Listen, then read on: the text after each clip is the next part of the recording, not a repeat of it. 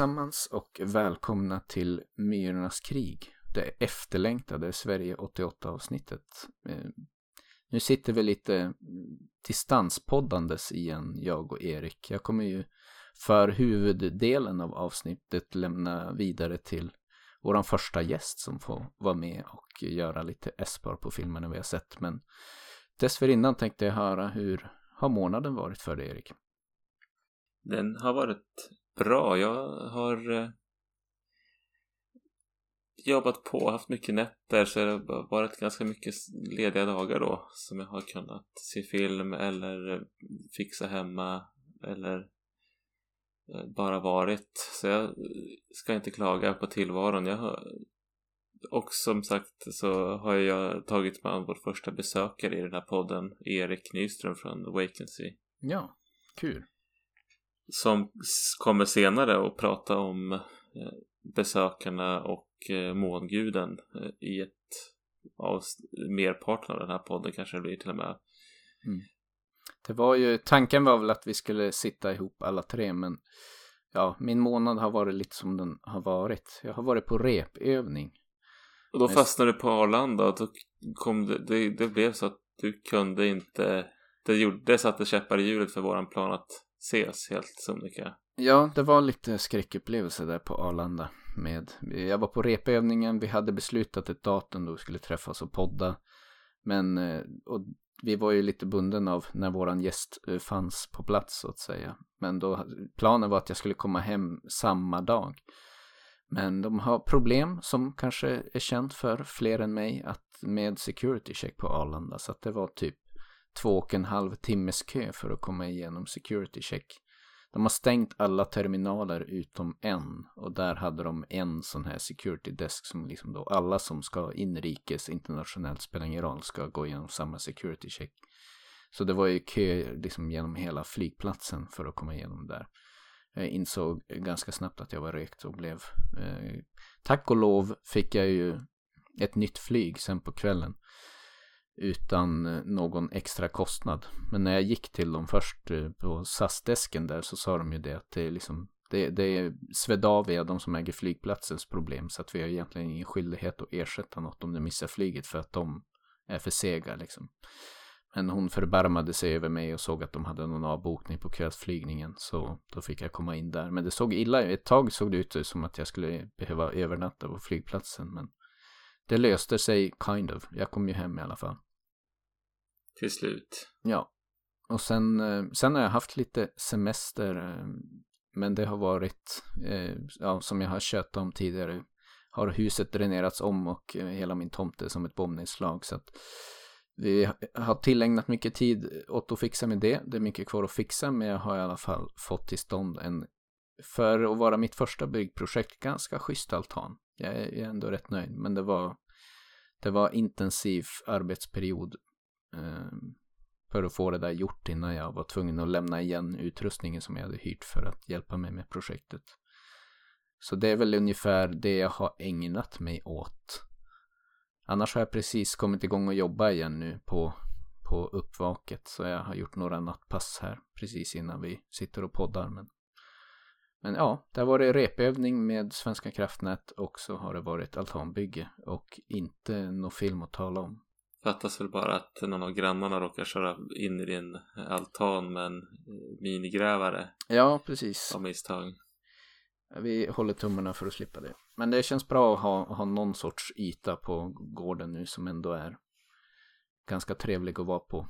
Och så får man kisa lite med ögonen så ser man inte hur stökigt det är i övrigt på tomten. Men vi tar ett problem i taget. Mm. Men får du någon när du håller på och eh, nu kanske jag går händelserna i förväg här men eh, får, eh, kan du få någon förståelse i det här eh, husrenoveringsstressen som försiggår i besökarna? Eh, ja, absolut. Det är ju det är ju ett test av ett förhållande med renoveringar skulle jag ändå säga. Ibland när folk, alldeles nygifta, nykära par köper något riktigt ruckel och ska renovera upp tillsammans så tänker jag undrar hur det här kommer gå. Min kusin bland annat köpte ju ett eh, riktigt ruckel ute i Bureå någonstans.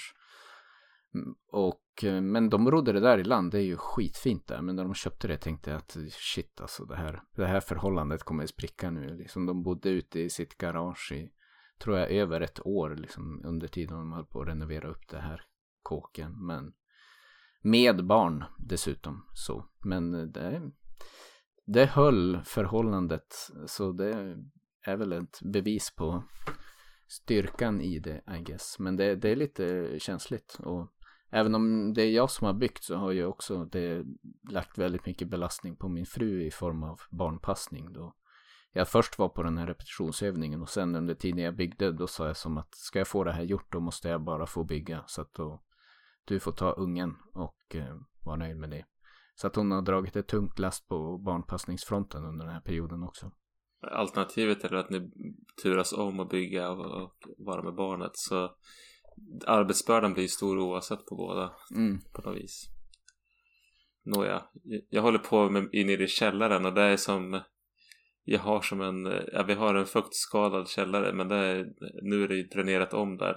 Det här är ju husrenoveringspodden Precis. Eh, men det här är det som, fast vi har dränerat om en del av en vägg som inte går att komma åt för att den är under en carport. Och där är det som att nu när jag har liksom ska fräscha upp i det här äh, jätterum nere i källaren så är det fortfarande en sån där våt fläck mm. på, på väggen som är, ja, vad ska man säga?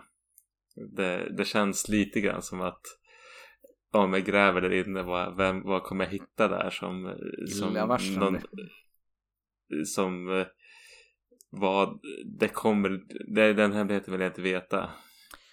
Dränera om kan ju vara bland det tråkigaste renoveringsprojektet att göra. Just att det känns som man betalar en jäkla massa pengar för att göra sitt hus jättefult. Jo. Men, eh, men det är ju nödvändigt. Och, ja, det var väldigt härligt nu i källaren efter det blev gjort. Så. Ja. Mm. Och så småningom när man får ordning på tomten igen så kommer det ju vara värt det. Ja men jag tror, alltså jag har ju hela tiden så här alla de här äh, hemsökta husklyschorna som finns i filmer. Det känns ju som att folk eh, nu när, med facit i hand, folk gräver där de står och det finns väldigt mycket att ta av där alltså. I mm. ångest som kan mynna ut i något övernaturligt för det är enda förklaringen man kan få till all den här illabefinnandet som man kan, ja det är kul också men det är tärande. Mm. Nå, nåväl, har du, men då antar jag att du inte har hunnit eh, se så mycket bra skräck sen? Inte sett någon film överhuvudtaget förutom eh, jag har faktiskt klämt in och sett eh, filmerna som var föremål för podden. Även om inte nu jag hann med till själva poddtillfället så har jag försökt se dem i alla fall så att jag kan ha någon uppfattning om eh, vad det är ni ska prata om. Yes. Ja men eh, det är ju alltid något. Jag har ju varit nyfiken på eh, framförallt vad du skulle tycka om besökarna för det var den jag hade en relation till tidigare. Det var min inkörsport till skräck för mig var ju det som vi åkte, eller vi var hos grannbarnen och eh, såg för första gången en film som var otäck på riktigt, på allvar på något vis. Mm. Och det traumatiserade mig och höll mig skräckslagen många nätter efter att jag såg den första gången. Så för mig har det varit en, en sån här formativ film, kanske också en vattendelare i mitt liv, jag vet inte, som fick in mig på eh, det här intresset. Så därför är jag väldigt nyfiken på dig som inte har alls samma relation till det. Ja, precis. Men jag tänker, jag, ni, ni får köra huvudsnacket först så kan jag kanske i avrundningen fylla i med mina two cents i något lite mer kortfattat format. Jo, jag har ju mina farhågor med tanke på att du inte var sådär jättesåld på Mannen på taket som jag var, även om du tyckte den var okej okay, vad jag förstår så du har problem med den filmen som jag kan tänka mig att du har problem med besökarna. Kan vara så. Man märker ju ibland att vi är inte riktigt lika gamla ändå.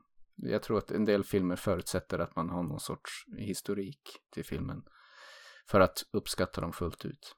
Jo, det är inte det att jag är född att jag kunde se Mannen på taket när den var aktuell men jag lyckades, jag hade åldern inne när det visades på SVT någon gång där i strax efter millennieskiftet tror jag den körde den och då kanske du var för liten, jag vet inte.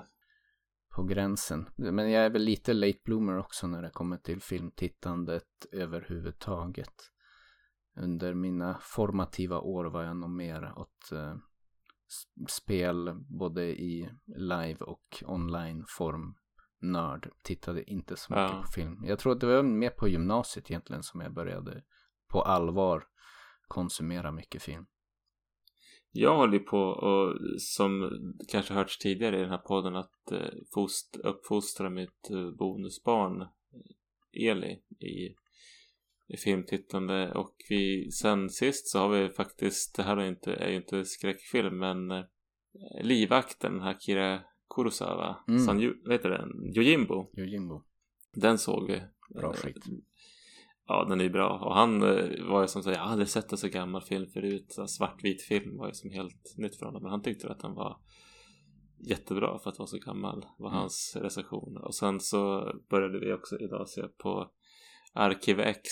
Oh. Som liksom, är vi börjar, det är ju liksom det är första fasen i att eh, få honom in mer på skräckfilm. Han är ju liksom vi såg pilotavsnittet och han, han kan ju ändå liksom en massa skräckreferenser och är taggad liksom så eh, det, det, finns eh, gott om hopp här känner jag. Arkivex är väl kanske vad besökarna är för dig är, är kanske Arkivex för mig. Att det är nog en av mina tidigare eh, stora liksom grejerna som jag snöade in på när jag var liten som ändå drog lite åt eh, skräckhållet så att säga. Så att eh, jag har alla alla säsonger på DVD om ni behöver låna. Men det kanske du också har köpt till på dig. Jo, sen har vi ju skaffat, nu ska jag inte göra reklam, men det finns på en av de här Disney Plus. Eh, mm. Det finns allt med Arkivex tillgängligt nu insåg jag. Så det, det, är lite enklare att hålla ordning på var man är någonstans. Men eh, det har vi börjat se på. Nice. Sen har jag ju sett eh, The Night House som kom för något år sedan.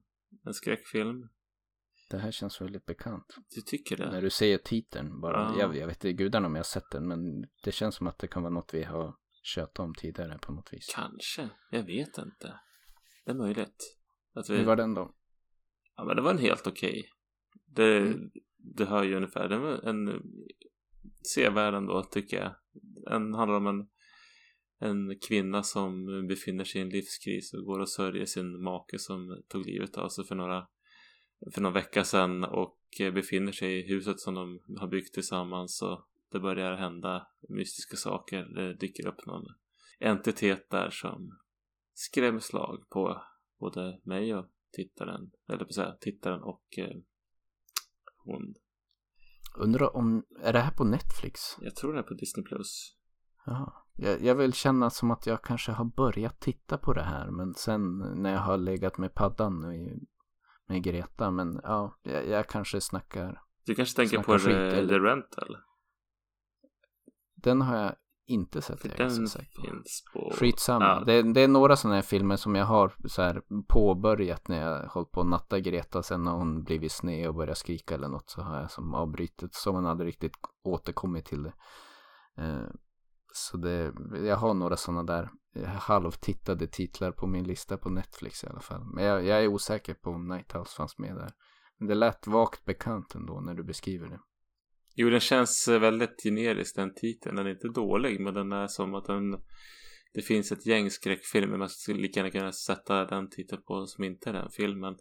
Sen mm. såg jag en helt för i år ny film som heter Fresh som är lite mer komedi, skräckkomedi fast ganska så mörk som handlar om någon som typ Tinder-dejtar en massa, blir less på det och sen så hittar hon någon i mataffären istället som raggar upp, hon raggar upp eller flörtar med och eh, det går inte så bra. Ah. Men den var väldigt, den tyckte jag faktiskt var bättre. Den var ganska rolig och välspelad. Så Fresh eh, kanske är någonting vi ska ta upp senare i våran podd kanske inte närmaste avsnitten men Absolut. Ja, men eh, ska vi ta och eh, hoppa in till vårat eh, till huvudnumret. Till huvudnumret när jag och Erik Nyström från Vacancy ska prata om månguden och besökarna. Jag lämnar över stafettpinnen till er så får jag återkomma med lite avrundning efteråt. Vi ses på andra sidan. Yes.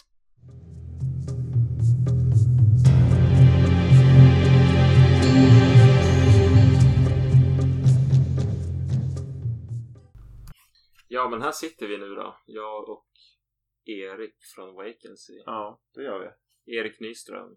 Stämmer. Vi är på Umeåbesök. Åkt söderut för att komma bort, ja.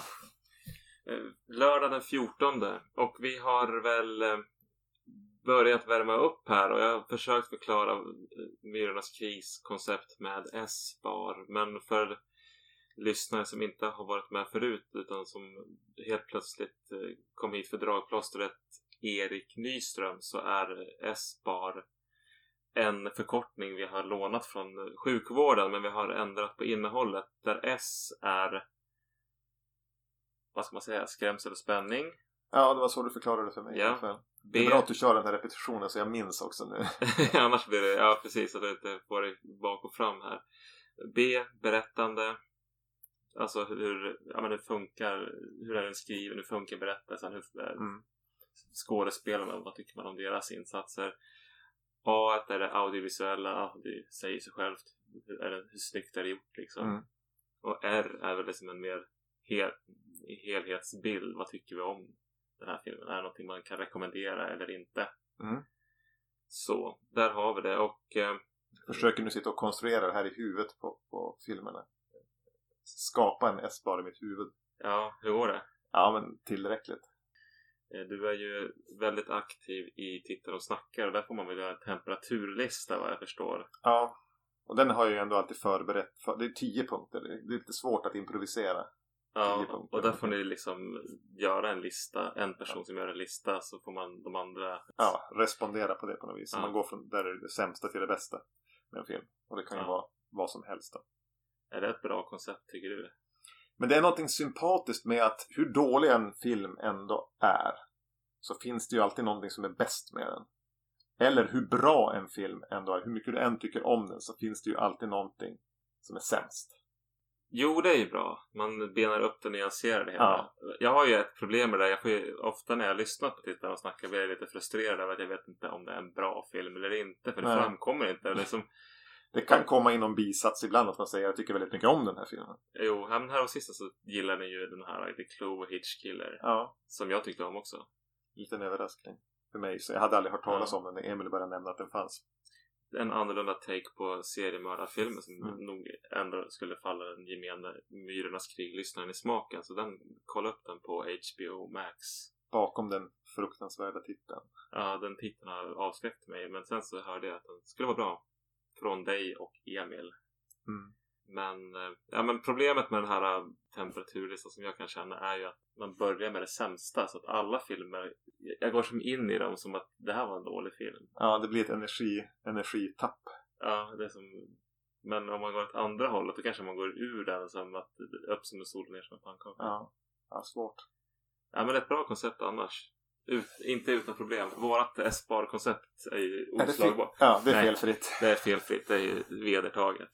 Ja, men eh, då ska vi se. Det var ju Sverige 88 som vi hade riktat in oss på. Och jag var ju väldigt nyfiken på att prata om månguden som jag inte hade sett tidigare. Och sen så har jag längtat efter att få prata om besökarna sen vi började den här podden.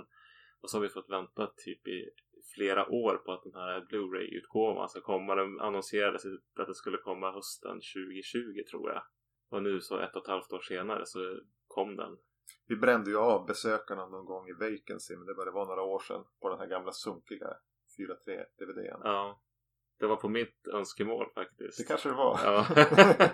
Innan vi kände varandra. mm. Jag skrev ett mail. Jag för- föreslog, vad hette den här andra, Uninvited också som jag hade sett. Så det var ditt förslag. Det var mitt förslag. Ja, det hade jag glömt. Nej, men det, det var min första insats i poddsfären. Jo, men besöken har vi som längtat efter, men den tar vi nog sist. Det är lite grann som när jag var på när Thåström spelade i Brunnsparken i Örebro 99. Mm. Då var det Thåström sist. Sen så var de andra banden som var först. De, ja, men man vill, för att man ska ha kvar alla, all publik till huvudnumret.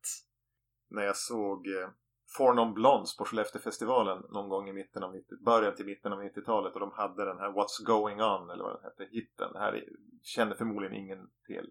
Jag har inte tänkt sjunga. Men de öppnade med den, för de var ett one hit wonder, de kliver på scen och de öppnar med sin one hit wonder. Och sen gick ju alla.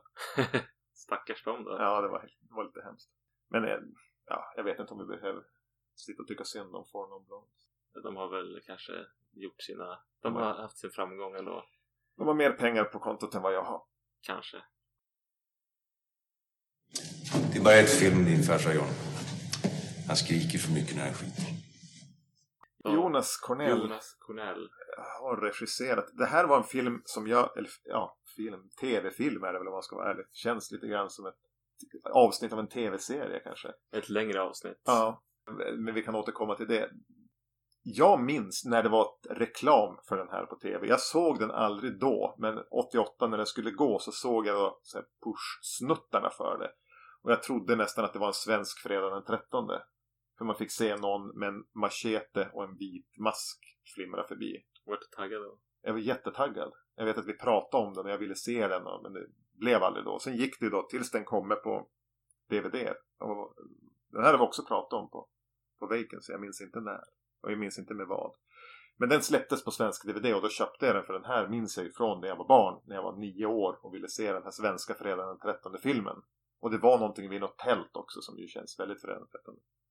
Det är väl det, det, det den hängde med för mig som en, en film från barndomen som jag aldrig hade sett. Jag hade bara sett några små reklampuffar för den så här, innan Lilla Sportspegeln. Nej, kanske inte innan Lilla Sportspegeln. Jag var ju jag är ju född 83 så jag är lite för ung för att ha haft någon relation till den. Utan det jag som mer upptäckt den i efterhand som ja, men det här ska vara en svensk deckare som nä, nästan är mer skräck än deckare ungefär så i ryktena. Det- Det är ju som en deckarfilm där man följer en seriemördare.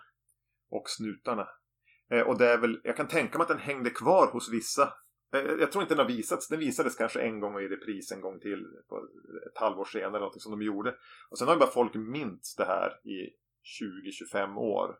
Och då har den kanske vuxit fram till någonting i huvudet på de som såg den då som den kanske egentligen inte är.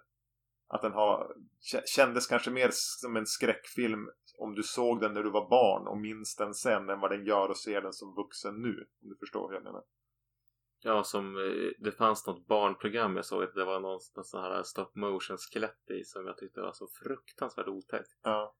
Och jag, jag tänker som att det var ett jätteotäckt program men det var ju inte det Nej. egentligen. Men för mig var det det. Och då blir, växer det i Växer i minnet. minnet. Mm. Ja. Och särskilt om man inte har möjlighet att se om den. Här har väl varit försvunnen. Eh, Alltså inte visats på många, många, många år. Tills den kommer på den här DVD. ja, Nu gissar jag lite grann ska jag säga.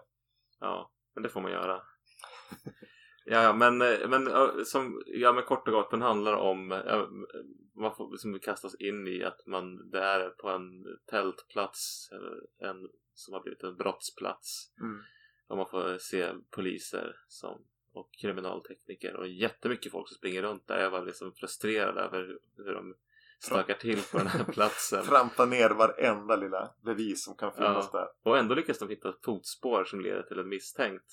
Och ett avtryck av den här masken. Ja. Ja, men eh, och det är en, eh, en mördare som springer runt och mördar familjer som är ute i och tältar. Det, och vi får följa polisen som är en finlandssvensk Thomas Nöntis, Nöntisalo. Jag har skrivit ner det här någonstans. Nej, jag bara skojar. Jag har inte. ja, Googla själv. yes. Spelar roll. Men eh, ja, där har vi. Vi behöver kanske inte beskriva handlingen så mycket mer. Det, det är eh, både de som har skrivit manus och som har eh, regisserat. Jonas Cornell och manus var Thomas Borgström. Mm. Är sådana som har gjort ganska mycket tv tror jag. Jag tror Jonas Cornell har, vad sa du, han hade regisserat mer. Han har gjort två av de här Trenter filmatiseringarna som kom ungefär samtidigt, året innan kanske. Ja, och sen så tror jag att han hade gjort någon av de här anpass... eller vad heter det? Skrivit manus till några av Beck-filmerna med Gösta Ekman. Av någon anledning är som namnet Jonas Cornell mer bekant än någonting han har gjort för mig. Jag trodde att det skulle visa sig att han, han, han hade en karriär före eller efter det här då han gjorde kända grejer. Men jag hittade Det är ingenting. mycket tv som... Ja. Eh, Thomas Laustiola hette han huvudrollen. Så var det. Ja, han var ju med i Tre Kronor sen. Med mera. Vi kan väl gå igenom casten när vi går in på B kanske. Mm. Ja, men eh, ska vi hoppa in på våran S-bar medan vi har det färskt i minnet? Vad skulle du säga är skräck? Skräckelementen är ju de här inspelade. Mördaren filmar ju det, när han hugger ihjäl familjer i tält, som tältar. Och det är väl det som är för mig skräckelementen egentligen. Att få se de här med en statisk, lite brusig kamera. Han går runt och hackar och någon försöker krypa ut. Och det, det är ju även barn som, han, som blir ihjälhackade här. Det är ju väldigt mörkt och läskigt. Ja, Jag skulle ju säga, det, och det här är ju som eh, nästan lite åt found footage hållet. Ja. Så det blir ju som lite extra nerv åt det. Jo, det försvinner på något vis det här. Men när man ser en film med klipp och kameraåkningar och byten och sånt här så blir man ju någonstans ändå medveten om att det är film. Men här är det ju bara någon som har statiskt ställt upp en kamera och, och går loss. Och det ska som vara... Det är som att det försvinner ett filter mellan mig och filmen. Ja, och det, det placerar, och det, det märks ju tydligt. Det är någon av de här sekvenserna när man, den här maskerade mördaren går upp mot kameran som faktiskt blir mer obehagligt än om det hade varit en vanlig kamera som inte var med i berättelsen. Exakt, exakt. Eh, och håller ut, men nästan poserar lite grann. Håller ut kniven och går med den här masken som måste vara fruktansvärt besvärlig att ha på sig. Den är ju typ gjord av sten. Eller Ja, något sånt Ja. tungt. tungt och väldigt, eh, sticker ut väldigt mycket utanför ansiktet. Det måste vara jättesvårt att hacka ihjäl en familj med den här masken på. Tänkte jag. Jo. Och de, de, de kommenterar ju att det var ganska... Han blir ju bättre och bättre, den här mördaren. Ja, just det. Träning. I början så var det liksom lite dåligt hackat. Sen blev det bättre. Hackat Mycket. på en bättre rem och sätta bak i nacken så att Jo. det inte glider ner för ögonen. gör eh, ögonen lite större kanske så han ser genom, genom masken. Så kan det vara. Är det något annat du tycker eh, som scener som är spännande eller obehagliga? Eh, Obehagliga Egentligen inte så himla mycket. Det finns många sådär som det känns som att nu skulle det kunna bli något men som inte men som rinner ut i sanden ändå som är spännande. Det är ju den här scenen som eh, när de är nere och går i källaren under det här museet eller vad det är och de, det droppar, droppar någonting och det leder dem som sen till att återvända dit och hacka upp ett hål i väggen lite på så här eller fulci-maner och där inne hittar de massor med filmer där fanns det ju potential till att det skulle kunna vara lite otäckt. Vad, fin- alltså, vad är det här för dolt valv med gamla vad är det, 16 mm, kanske till och med 8 mm filmer de hittar. Ja. Men det leder ju ingenstans. Jag tänkte att det skulle kunna bli otäckt. Och det, det var någonting med hur de såg vattnet rinna där. Han drömmer väl nästan någonting om det och får för sig att återvända. Jo precis. Nej men det, det är verkligen inte som att det inte det tycker jag. Det, det, ja, de är lätt kunna göra antingen något mer makabert eller gjort något mer spännande på filmerna. Men nu var det som bara att Och de nöjer sig med en film. Eh, och så tar de en film och framkallar den och så är det som, ja men det här var den där expeditionen som pratades om. Ja. Och så vart det inget otäckt med det. Nej, så den är väl... Mm, jag skulle säga att egentligen det man minns är ju de bilderna med kameran.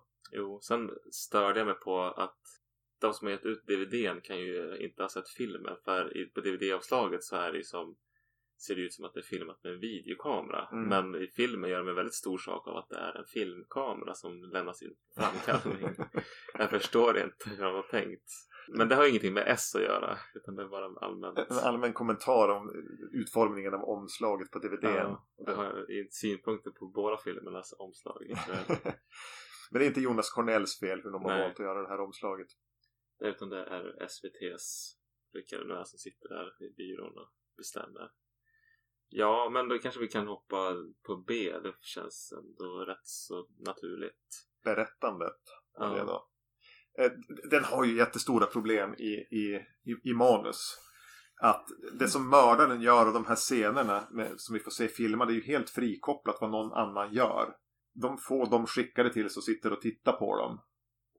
Eller lyckas ja, komma över dem i alla fall. poliserna. Men däremellan så är det ju bara poliser som står och pratar om att de har begränsat med tid att ta fast den här. Snart kommer den att slå till igen. Och, Ja. och lalla runt lite grann. De springer runt lite på olika ställen och det är någon åklagare som ska dra in någon annan person som ska hjälpa till, någon professor i neurofysiologi eller vad det var. Ja. Som ska hjälpa till och så är det de gör en grej av det men det känns inte som att det för mysteriets lösning vidare. Mm. Eller för den närmare lösningen. Ja, men de har ju ingen kontakt med själva mördaren. Det, det, det saknas ju en där de är nära att ta fast honom. Eller där det blir en rafflande jakt över taken i Stockholm. Eller att, att mördaren kanske till och med smyger på någon av de inblandade. Eller i alla fall man, man, man luras kring det. Men det Ja men det, tänk dig när man, man har en mördare med ett modus operandi att han spelar in. Tänk om man så här, man skulle, det skulle kunna bli otäckt att man har mördaren spelar in och så framkallar den filmen och så har han fi- filmat den här Thomas. po, po, polis, Thomas Polis- polisen. Polis-Thomas. ja. Eller vad som helst. Då skulle det bli genast mycket mer nerv. Väldigt Ja. enkelt. Eller att man, det är ju, man, för han har ju lämnat in filmerna för någon sorts svart framkallning. Ja. Och så får polisen nys om det för att den som framkallar filmerna säger ju att det här är ju mord som har skett. ja. Att man skulle kunna, för de, de, de ligger ju och lurpassar Jo. på mördaren. Men dyker, den dyker ju aldrig upp. Nej. Varför kan han inte dyka upp och så blir det en jakt där de missar mördaren? Så det är ju... ja, liksom... När man skriver den här filmen att ha den, vi ska försöka lura hit honom nu. Och så väljer man att han bara dyker inte upp. Och så tar man istället genvägar som är mera giallo... Alltså man, det blir som så här giallo-logik för att man ska ta genvägar igen för att nå till punkten för att man... Det, det, det är liksom istället för att det går i en i naturligt tempo och att det finns en utveckling som känns dynamisk och rimlig Mm. så blir det sån här giallo-logik med psykoanalys och allt möjligt ditt och datt. Barndomstrauma och som farsan. eh, plötsligt så befinner man sig eh, utan förvarning men ändå med någon sorts konstig krystallogik hos mördaren. Ja, verkligen. Och den här filmen har ju då problemet att den är så glesbefolkad. Det finns inte så många karaktärer att välja på. Nej, och det är som en, nu spoilar jag här men det skiter jag i, men det är att, att man får ganska snart en, en karaktär som är, ja men är inte det här en red herring så är det alldeles för lätt. Ja, För det är så himla uppenbart skum person. som står och Och så lyssnar. finns det inte så många kikar. fler. Nej, det finns ju inga fler. Pluspoäng däremot, om man ska vara lite i, i hur de har valt att skriva den här, hur de har valt att befolka den. Är ju den här, det är pappan till poli, Thomas polisen. Som är, som ligger i det här En syrgastältet. sån pensionerad kommissar, stjärnkommissarie Ja. som har löst massa mord. Han bor typ i ett Michael Jackson syrgastält nu. Ja, man ser honom, vet man hör bara hans Finlands finskbrytande, Ja, förmanande. då sträcker han ut en hand ur det här syrgastältet och vill ha något material och han ringer något samtal och sånt där. Det är en ganska inspirerad idé i det här ganska styltiga. Jo, det, det finns någon, han sitter som en spindel i nätet fast han är så himla försvagad. Ja, Och så kopplar han ju ur syrgastältet någon gång och så Alltså våran han blir sur på pappa. Thomas polisen eh, blir sur på pappan ur sladden och så går larmen och han är så himla skör liksom. Ja. Det var väldigt roligt. Ehm, så, så liten plus för den, den lilla idén i manus. Och, och även tycker jag ju då att det här finns ju mycket bra skådespelare att hämta. I Sverige vid den här eran. Jo, vi har ju förutom Thomas eh, La, Laustiola så hade vi ju Heinz Hopf Som, som Mr Red Herring. som Mr Red Herring som har en så här en väldigt han är, är väldigt bildskön men också gjord väldigt creepy som någon sån här kulturpersonlighet som Ja. Står och stryker snedluggen ur pannan och tittar på folk hela tiden. han skulle nog inte ha klarat metoo Nej, han har åkt dit många gånger där. Den känslan. Nej men det är många sådana här man bekanta. Per Myrberg dy- dyker upp och sen så har vi den här Oss, vad hette han? Oss? Ja, Fader Fora. Fader Fora, precis. Han är så CSI-tekniker. Ja, Det är ganska mysigt att träffa på han där och stå och prata. och så Ja. säger han så här intelligenta saker som jag kan inte förstå hur han kom på det bara på han drar väldigt avancerade slutsatser väldigt snabbt. Han är mycket duktig på sitt jobb. Väldigt duktig på sitt jobb. Så det finns ju ett mys i de här stadiga, stabila skådespelarna som alla är ungefär samma ålder. Någonstans mellan 35 och 80. Men de ser, alltså det är omöjligt att avgöra vad som är vad. Ja, jag, jag blev förvånad att den här eh, Per Myrberg, han såg ut att vara neurofysiologen, han såg ut att vara närmare 70 Ja, då 88 men han lever ju fortfarande. ja och är verksam fortfarande tror jag. Ja. Och han ser ju äldre ut nu men jag trodde inte att han kunde bli så mycket äldre när man ser på hur han såg ut då. Nej, han slog in ett tak tidigt. jo, det är imponerande. Så det kan jag ju gilla att vara i den här lite murriga miljön med murriga gubbar. Jo, och lite det här äh, svenskt 80-talspolis, hårt prat. Jo, man väntar sig nästan att, att Roland Hassel ska titta förbi. Ja. Jag är förvånad att han inte gör det. Men, men. Björn Gedda som var med i Roland Hassel har ju någon liten roll här.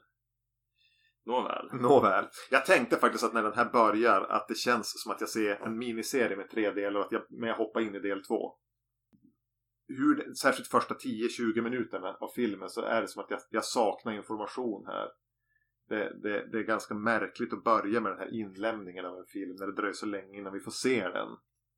När man står och trampar vatten väldigt mycket när man ska etablera karaktärerna och eh, ja men vi det, just när neurofysiologer ska rek- rekryteras då håller man på med det och det är massa diskussioner fram och tillbaka för det är någon sorts Ja men till saken har ju att neurofysiologen har liksom jobbat med Thomas Polis pappa Ja, och tagit Och- fast tagit fast jättemånga mördare Ma- Ma- Mantico. De pratar om någon sån specifik som låter typ som att de har tagit fast Hannibal Lecter eller någonting. Ja men något sånt. Eh, Och, eh, och då, så lägger man ganska mycket energi på hur Thomas Polis ska motvilligt övertala neurofysiologen som, så här, som pratar så mycket om att han har slutat med det att han fick något nervsammanbrott efter någon... Ja, han var inlagd i två år så han var Ja. ganska dåligt skick. Ja. Ja men det, det och, och så träffar ju de någon, har, han har ju Thomas Polis någon sorts eh, liksom, sexuell relation med hon på Etnologiska museet också. Mm. Och det, som inte heller leder någonstans. Jag tycker hela den biten var som också väldigt... Hon hjälper till lite grann men det, den, Och hon rinner, bara försvinner ur Mm. handlingen. Hon Ja. går upp i rök. de har inte lagt någon energi alls Nej. på hennes historia. Jag trodde ett tag att det var på gång en twist där att hon finns egentligen inte. Eller så. Han har bara, alltså, Jag tänkte att det är hon som är mördaren för hon kunde ju måla av masken precis som den ser ut i verkligheten fast hon aldrig hade sett den i verkligheten. Ja. Det var så här, ja. Så jag trodde att det var i sant Dario Argento-manér var det någon jätteoväntad. men nej. Nej, så var det inte. Mm. Ska vi gå in på A då? Ja, jag trodde det var det au- audiovisuella. Ja, hur, hur ser den ut och hur låter den? Tycker du? Den ser ju ut som ett, ett Hassel-avsnitt. Alltså en, en, en svensk deckare där. Det är mörkt och murrigt eftersom det är mitt, mitt bestående minne av den. Ja, väldigt mycket. När man, när man går in i polisens eh, lägenhet så är det ju liksom väldigt nersläckt och man ser knappt någonting annat än att jag tänkte på den här fina Ja, just det. Retro. retrokylen som är bak, belyst bakifrån så det ser ut som att den har en gloria. Ja. Eh, Skit, det tyckte jag var snyggt. Men, det, och väldigt så här, men 80-talsmyset med så här, den försvunna diamanten och ligger ut för att man ska Precis. visa att han har ett barn någonstans. Som man kanske inte får träffa så ofta. Ja, mycket Och spritflaskor. Och att han går ner. Han har ju någon källarlägenhet. Någon så inackorderad gymnasieelev. Ja, ja, det ser ju väldigt, ja, vad ska man säga, torftigt ut. Ja. Väldigt mycket tomma flaskor och sånt där. Han slår på jazz också. Ja, såklart. Eh, Så den har, det, kan, det, det är någonting som är trevligt som att ta på sig sin favorit-hoodie och titta på det. Men, men det är ju inte så att den bländar mig med, med, att- med att vara, alltså att det lyfter den speciellt mycket, det tycker jag inte. Är det musik i den här filmen? Det, jo men det är musik i den här filmen men det är, det är ingenting som jag tycker eh, sticker ut. Det låter fruktansvärt mycket tv. Det är som såhär... Vi kan pausa här så får du lyssna.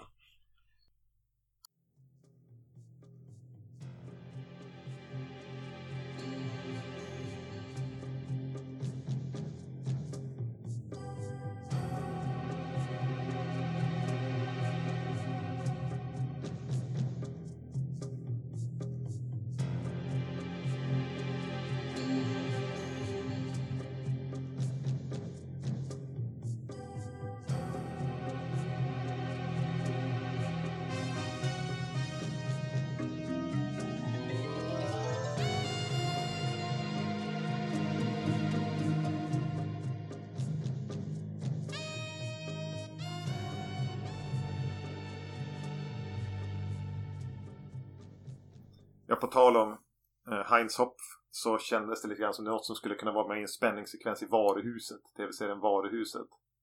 Den här musiken? Ja. Ja. Det är väldigt, ja men när de ska göra något inbrott Ja. i, i kassaskåpet där. Ja.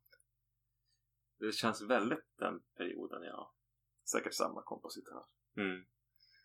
Ja, det, sen är det inte så mycket. Jag, jag har inga minnen av någon musik. Nej, men det gör inget intryck. Nej. Ja, de lyssnar ju på musik, några stycken på LP-skivor, det är väl det enda. Ja, just det. Det är lite återkommande faktiskt. Ja. De sitter i dyra fåtöljer med och dricker sprit och det är mör- mörkt och murrigt när någon slår på någon knastrig vinyl. Ja. ja. Någonstans, någon del av mig vill ju befinna sig där.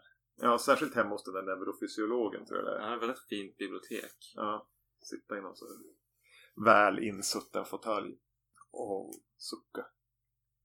Ja, men det, kanske är dags att ta R. Är det här någonting du skulle rekommendera en att söka upp? Nej, det, det går inte att rekommendera det. Även om jag på något sätt kan ha en liten guilty pleasure för, för känslan och stämningen med de här eh, gubbarna i den svenska polisfilmsvärlden. Så den är förbannat tråkig och stillastående. Ja, den trampar vatten väldigt stora delar och sen så tar den en språng som man knappt hänger med i. Precis. Och det är väldigt lite mångud Ja. för pengarna. Nej men den är, man får se de där sekvenserna och sen, ja, sen är det andra rätt så snabbt avhandlat Mm. av, med månguden. Det hade kunnat vara mer en jakt på månguden än vad eh, man tror. Det är mycket mindre än vad man kan tro när man ser Ja. eh, omslaget. Kul att ha sett den som jag alltid brukar säga om alla filmer. Oavsett hur dåliga de är så är det alltid kul att ha sett dem i podden. Ja, alltså jag, jag är i samma läge där. Det är sällan jag ångrar en film på något vis. Vad skulle jag annars ha gjort? Skulle jag slagit av halvvägs och sett en halv film? Vad skulle jag ha gjort med den där 45 minuterna då? Ingenting vettigt. Nej men precis, jag har en god vän som eh, har ett ordspråk att man ångrar aldrig en springtur. Det gör jag inte. Men jag ångrar nästan aldrig en film heller. Nej. Men eh, jag skulle inte rekommendera någon att springa iväg till den här. Om man liksom inte är akademiskt intresserad av eh, found footage element. Även om det är en väldigt liten del av den här filmen. Eller så svenska tv-deckare från 80-talet. Ja. Och vill ha sett allt. Ja, men då, då så. Då kommer vi till besökarna kvällens, för mig kvällens huvudnummer i alla fall. Mm. Varje kvälls huvudnummer på Ja, något sätt. Titta där är det! Drömhuset. Början på ett nytt liv. Är vi verkligen de enda som ska bo här? Ja, det får vi verkligen hoppas. Men huset döljer en hemlighet. Sara! Vad fan är det här? Ge mig en chans att undersöka det här närmare. Någonting finns här. Någonting ont.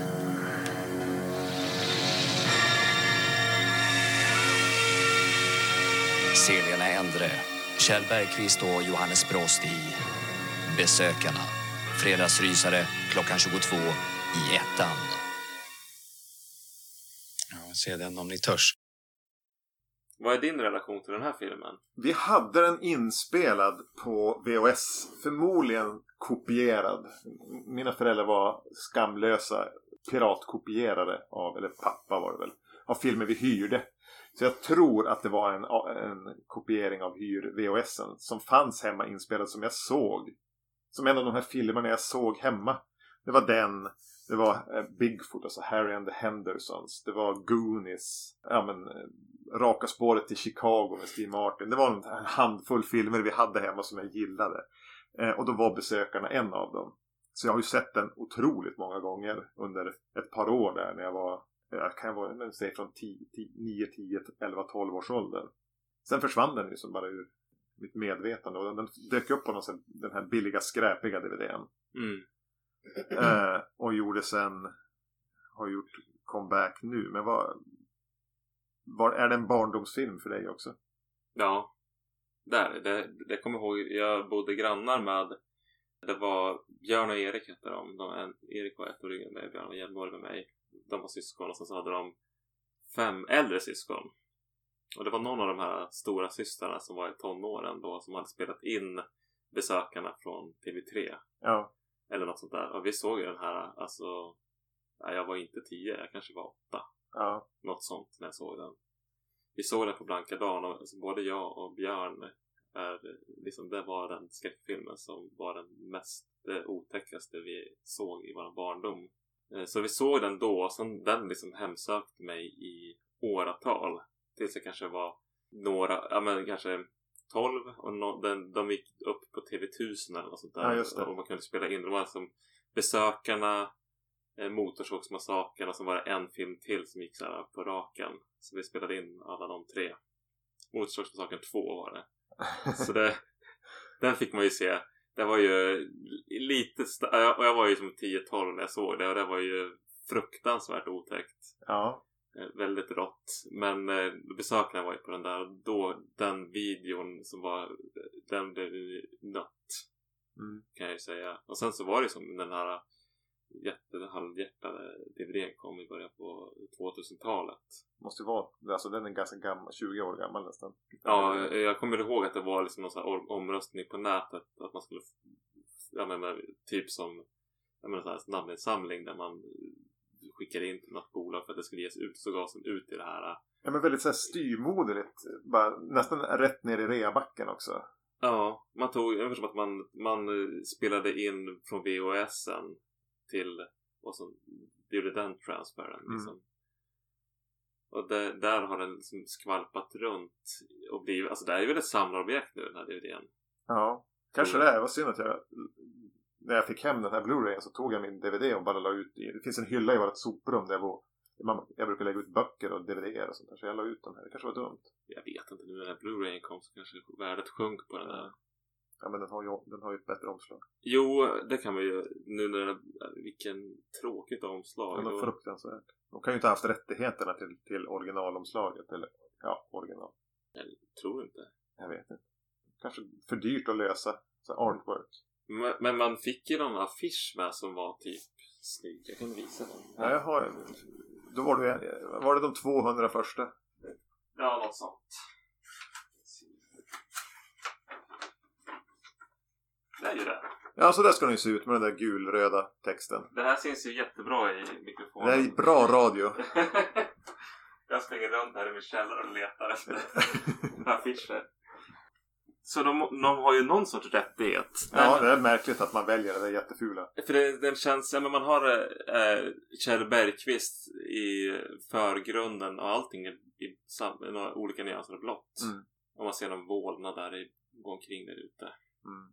Ja, men eh, vad ska vi säga om den här då? Det är Patrik, nej, Joakim Ersgård som har regisserat eh, och som skrivit tillsammans med Patrik som är med och spelar. Ja, Och den är producerad av deras pappa Håkan Ersgård tror jag han heter. Eller hette. och de var ju typ bara några år över 20 när den här gjordes. Ja. Och så komma och regissera proffs som eh, Kjell Bergqvist och Lena Endre Ja. Framförallt. De var nog, ja i och för sig, Johannes Brost är ju också ett proffs. Ja. Ja men eh, vad, ska vi säga om... eh, Börja för de som inte vet vad besökarna är så handlar det ju om Frank och Sara spelade av eh, Kjell Bergqvist och Lena Endre som ska ha köpt ett hus på landet. Ett väldigt fint hus. Gammalt hus som har fått rusta upp en hel del. Ja. Och... Eh, ja, de har väl med sig sina två små barn. de har med sina två små barn i sin nya fina Volvo.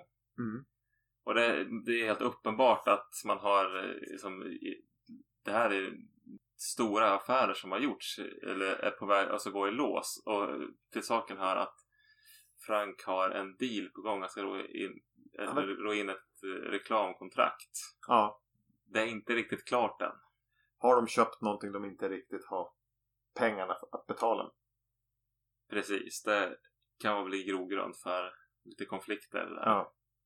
Wells, ja, men då kör vi en S-bar. Ja, skräcken i, i, i besökarna är ju väldigt spetsig när den är väl är spetsig tycker jag. Jag, tyck, jag förstår inte att den inte har fått kanske en remake just utifrån vissa enskilda scener som borde kunna ha skrämt livet ur fler och blivit mer kultförklarade än vad de är. Nu är den kultförklarad men i en ganska liten krets. Jag tycker att flera av de här scenerna vålnaden i fönstret Eh, Sara ser konstig ut när Kjell Bergqvist vaknar på natten.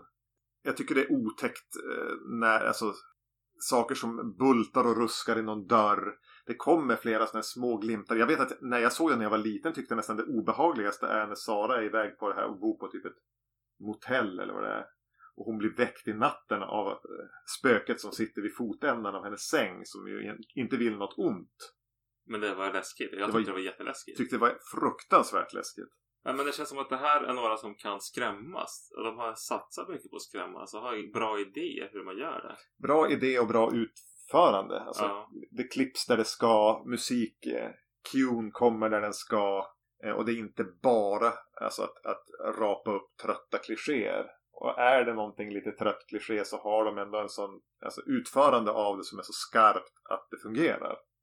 Ja, absolut. Och jag, jag tror också att de, vinner ganska mycket på att de förlitar sig mycket på atmosfär och men, miljön kan jag också relatera till väldigt mycket. Och så, men det blir det som en kuslig atmosfär som är nästan vardaglig. Så man kan säga det här är någon miljö som jag själv skulle kunna befinna mig i.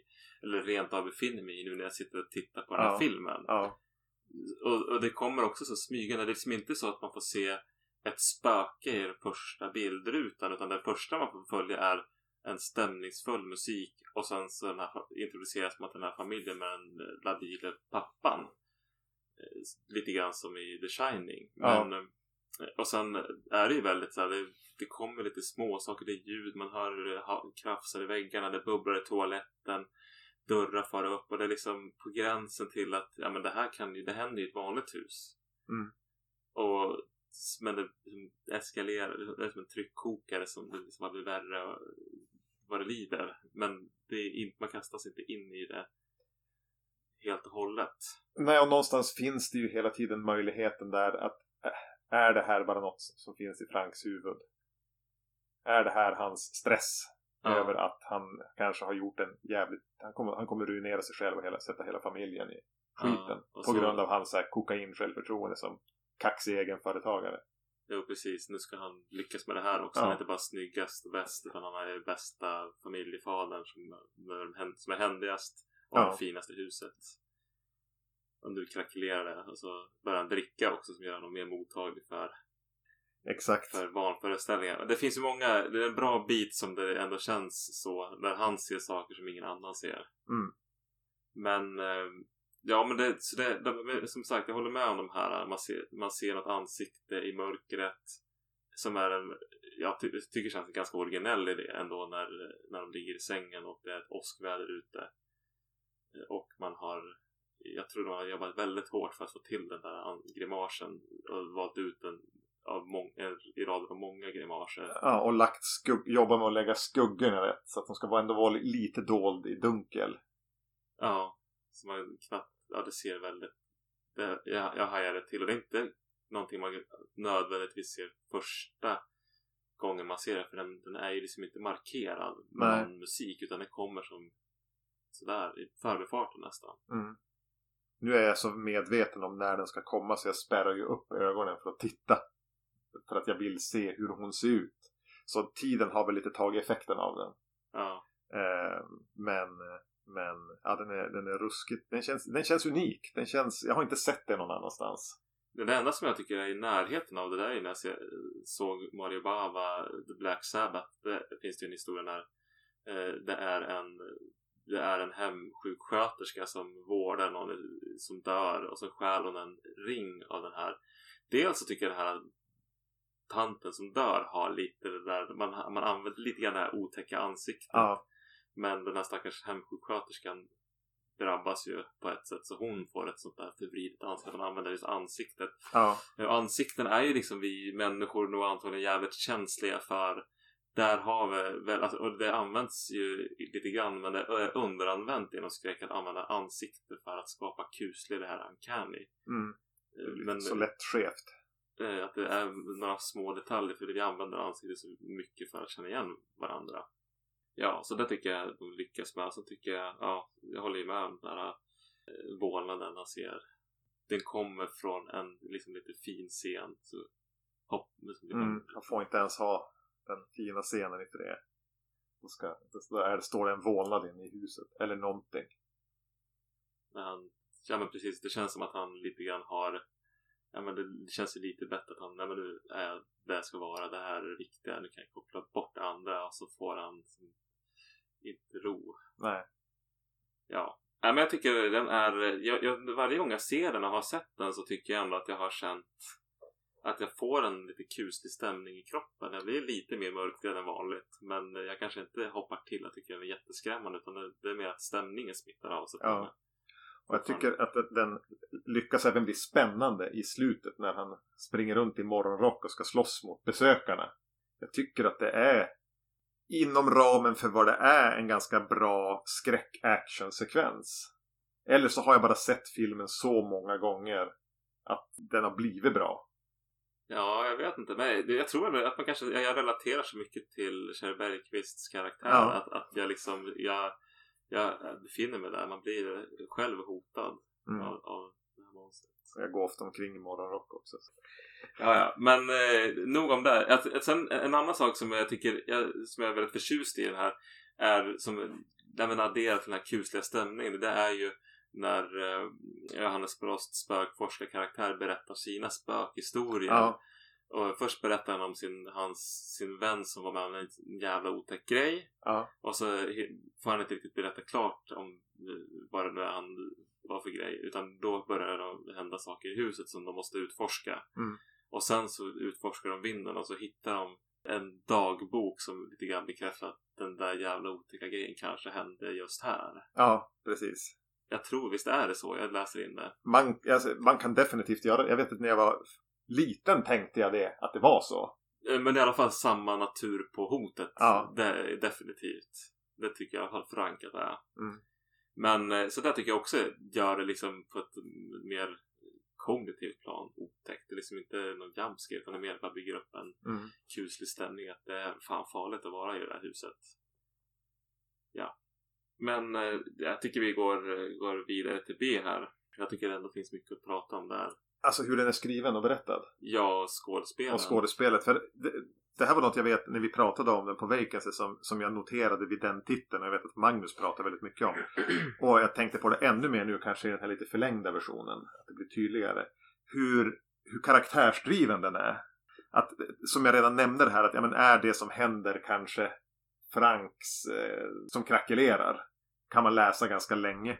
Och även hur hans karaktär är skriven från den här självcentrerade, egotrippade reklamsäljaren som ju inte tar något ansvar för sin familj egentligen. Det är ju han och hans, hans idéer, hans infall. Han har ju familjen som en, för det ska man ju ha. Ja. Eh, Alltså, men det är mitt hus och min bil. det är mitt hus, det är min bil, det är min fru. Det är Min jävla vind. Ja. Eh, otroligt självcentrerad och ingen, alltså en, en ganska tveksam pappafigur. Han, han hoppar in och är lite sprallig när han känner för det. Men i övrigt så handlar det om han och hans intressen. Och sitta och, vill han komma hem och vara sur och drick, supa sig full på eftermiddagen, då gör han det. Men att han genom filmen liksom tvingas ju till slut ta mer och mer ansvar. Och bli alltså mer en som, som tar hand om sina barn. Jo, det är, det är väldigt spännande och fascinerande. För han drivs ju mer åt det. Jag tycker att det också framkommer mer när man ser den här, mer om, den här längre klippningen. Att Saras karaktär blir ju liksom, hon, ju mer hon blir stressad så blir hon undvikande. Ja. Och det slutar ju med att hon sticker. Och han, det det är det som gör att han måste ta hand om barnen. hon, hon drar därifrån och han, han kliver fram och blir liksom någon som alltså, är beredd att offra sig själv för sina barn egentligen. Så den har ju en ganska väl, alltså, välskriven, men det finns en tanke där i alla fall med, med, med han, den, karaktärens båge i hur han ska utvecklas. Och Kjell Bergqvist är ju hög form här. Ja, ja, han är ju kanonbra. Jag har nog, ja, jag ska inte säga att jag har sett han bättre, men det kanske jag inte har. Sara, kom! Vad är det? Skynda dig och kom säger Vad är det jag! som har hänt?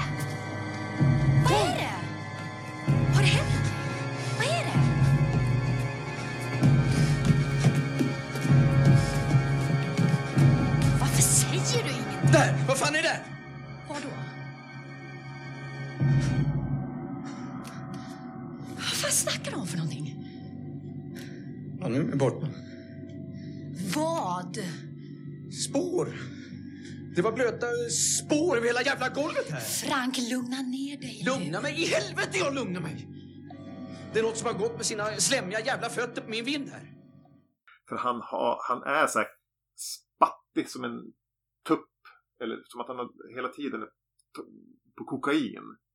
Av självförtroende och så lite spelat självförtroende. Och Och han är jävligt arg. Det är det som ligger hela tiden någon sån här sorts... jag var lite rädd för, alltså den här arga pappan. Slår någon näve i bordet och... Ja men antingen han... Men han är ju väldigt så här, antingen väldigt nära till ett utbrott eller så är han full. Ja. Då är han lite lugnare. Förhoppningsvis. Ja, men så är det att han så här, kedjeröker och är som så här, hela tiden på det märker man ju redan i, i på öppningssekvensen när de åker bil när han får ett ut, han är hur nöjd som helst över vilket bra ljud det är i bilen. Men får nästan ett utbrott och är jättetaskig mot barnen. Har- Ett ö- när de har klätt ner sig. Mm. Och han är liksom taskig mot båda barnen. På, och det liksom går från 100 plus till 100 minus i humör. Mm. Och sen så går det snabbt tillbaka igen. Jo, i den, här, i, i den här förlängda så hamnar de i mycket mer diskussioner, han och, och, och Sara. Ja. Vilket, man bara, men gud vad destruktivt det här känns. Hur, den här relationen är ju inte bra. Nej precis, det känns, den får ju mycket, jag tycker den filmen vinner ju väldigt mycket på att de får vara lite längre. Jag tycker ja, det, är ju, äh, det är ju tragiskt att man har klippt ner den så mycket av Ja. någon konstig anledning. Om det ska få plats på kortare videoband eller vad tanken är. För att jag tycker de här minuterna, det är inte många minuter det handlar om egentligen. Men det ger ändå liksom en, jag, jag kan inte säga exakt var de har förlängt den här. Nej. Utan, men det känns som att man får mycket mer känsla för båda personernas, eller båda karaktärernas, eh, hur de känner och tycker. Och varför de utvecklas åt olika håll. Ja. Den är mycket mer slimmad och i den andra är det mer renodlad skräck. Här finns det som ett underliggande drama där de här unga paret har tagit sig vatten över huvudet och vad fan ska vi göra nu? Det här är ju helt fel. Och, och borde vi ens ha skaffat, alltså hur har vi, alltså de någonstans börjat, varför, varför är vi med varandra i den här situationen? Vi har ju som bara kört på. För det är det man ska göra. Det är det man ska göra. Och, Ja. För han är ju ingen du vill att det, eh, din dotter skulle gifta sig men hon vill ju inte att det ska vara en Frank som kommer in där. Nej, men jag får ju som känslan av att båda två festade ganska mycket när de träffades och Frank har fortsatt med det men hon har slutat röka. Mm. Börjar ju röka senare i filmen för att när, när hennes nerver blir mer och mer påfrestade. eh, Så, Så när suset och duset hade lagt sig och hon var gravid då var det som för sent att, att se att vi passar ju kanske inte riktigt ihop. men egentligen, men de, men de är ju väldigt kärleksfulla med varandra emellanåt. Det känns som att de är väldigt så här det här romantiska paret där liksom vi älskar varandra, liksom nästan lite borderline liksom så här, Vi skriker Ja, åt varandra eller skriker älskar åt varandra eller älskar varandra. Precis. Det är så att, det, att det liksom är, de har, när det är bra så känns det men de har ju någon väldigt fina samtal där hon försöker, men vi ska lösa allt det här tillsammans och är väldigt fina liksom och de är fina i slutet, de är i början, alltså de hjälps, de munhuggs väl lite grann men de, men de är rätt så det finns någonting, jag kan köpa att de någon gång har varit attraherade av varandra Mm. samtidigt som det, det verkar vara ett jätteförhållande, det verkar vara i fruktansvärt dåligt skick. Jag tror inte det finns tillräckligt många terapeuter i världen för att de ska få det där på rätt köl. Om det inte vore för den här prövningen. Prövningen de måste gå igenom. Tror du de redde ut sitt äktenskap efter filmen? Jag vet inte, det kommer vi se i uppföljaren. Jag tror att eh, antingen så blir Frank helnykterist och, och de flyttar in i en lägenhet i stan styr upp det där. Eller så super han väldigt ner sig Ja. i uppföljaren sen som en skugga av sitt forna jag. Och Lena Endre är inte med i uppfö- besökarna två av den anledningen att hon stack så långt hon Ja. kunde. Hon bor i, bor i, i Paris nu med någon Mm. ung älskare. Ja, hon som såg henne för den hon är. Nej men, eh, ja men jag tycker, ja men båda de tycker jag spelar bra. Johannes Brost. Det är nog många som kan ha invändningar mot hans insats i filmen, men vad tycker du? Jo, alltså han är ju inte lika jordad i, i, i någon slags verklighet som de andra två ändå är. Han blir ju mer en pajas. Fast på Johannes Brosts sätt att vara en pajas. Du har ingen bakgrund på honom riktigt. Eh, han- är med ganska kort stund. Men det är någonting med Johannes Brost har en ganska otäck energi på film. Han känns alltså latent våldsam eller latent opolitlig. Samtidigt som man blir ganska trygg i, i hans sällskap här. Eh, Ja men det är ju verkligen så att Johannes Brosts karaktär blir ju som tar, det- det är ju uppenbart att han tar Frank under sina vingar och att när de håller på att utforska, han driver ju på Frank men Frank vågar inte backa ur för då har han inte kvar spökforskarens beskydd längre. Så Nej. han följer ju med på det där och sen så när han ska springa ut i bilen och hämta sin eh, mackapär som han ska göra någonting med, då blir han ju så livrädd att kvar själv i huset utan honom. Mm. Eh, Och eh, han Ja för han är liksom, han är så orädd för det här. Han vet vad han håller på med. Han har varit med förut. Så då är han trygg. Den trygga ankaret. Eller vad ska man säga? Trygga punkten. Jag tycker om scenen när... Jag kommer, vad heter Johannes Brosts karaktär? Jag kommer inte på det nu. Allan. Allan. Allan Svensson faktiskt. Eh, han kommer ju dit första gången så är de inte hemma utan han träffar på brevbäraren då spelad av, av Patrik Ersgård. Och, och de, det blir en sån här klassisk missförståndsscen. Ja. Där Allan pratar om spökena. För han tror att eh, brevbäraren är Frank. Och brevbäraren pratar om familjen som inte är där. Eh, det är en klassisk missförståndshumor. Den fungerar ju inte så bra. Samtidigt så är det ju många som tycker den är jätterolig. Är det så? Jag, tycker, jag, jag, jag satt ju och väntade på den och tänkte bara, oh men är inte det här lite roligt? Men jag tyckte inte det var roligt. Den blir ganska fort tjatig.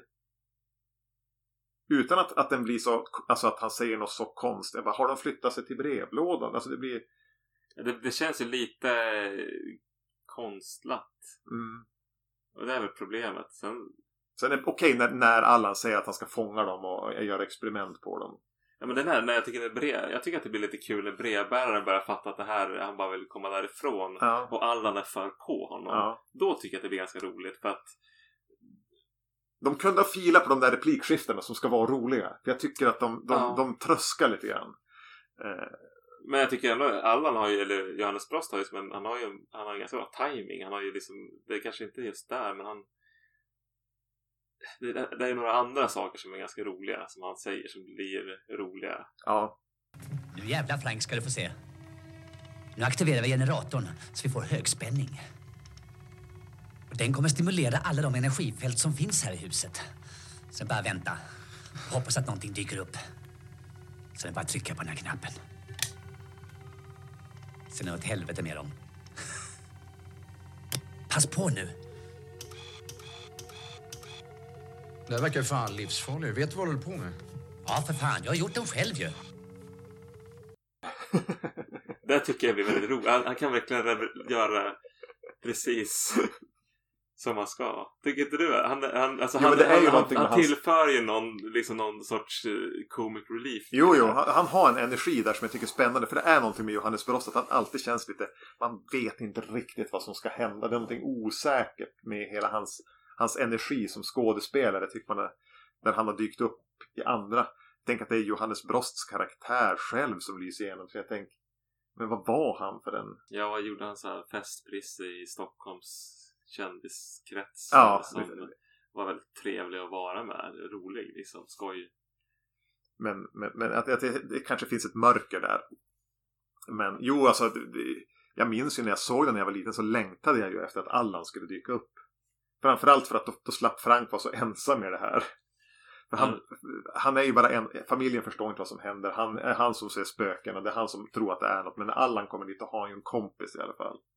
Jo. Sen tycker jag liksom att det, den här filmen lite grann utvecklas med min ålder. För jag tycker att när Allan kommer dit. Alltså förut, så, när jag var barn så tyckte jag precis som du att när Allan kommer dit så är det som att ja, men nu har vi någon som kommer reda ut det här och Mm. hjälpa Frank. Men nu tycker jag liksom, nu blir jag som, som familjefar själv.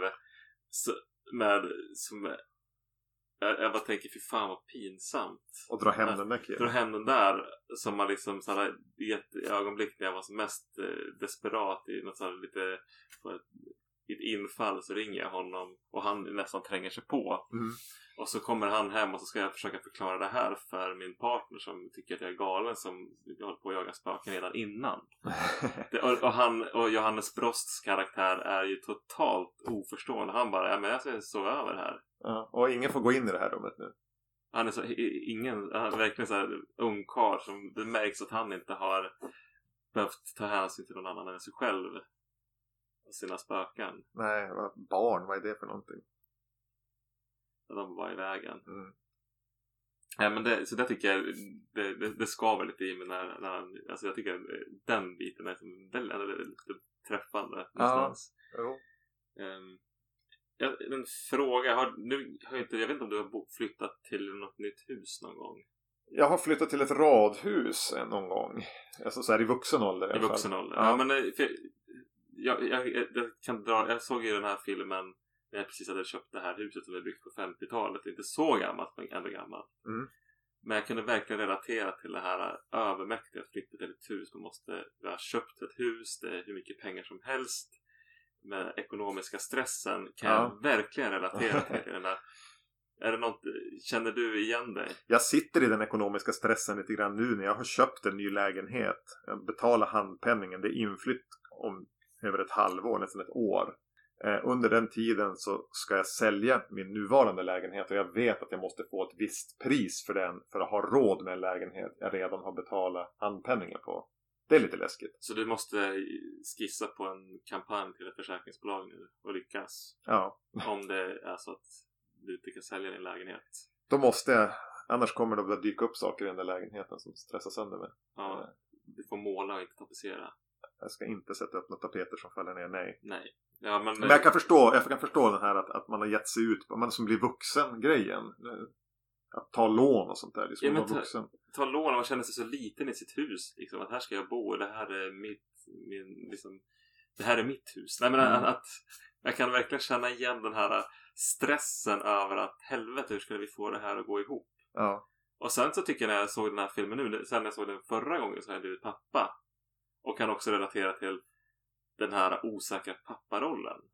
Precis, det blir som att man spelar pappa hela tiden. Ja. Hur är en pappa? Man, en pappa kanske är så här. Och så, men det är inte så förankrat i en själv alltid.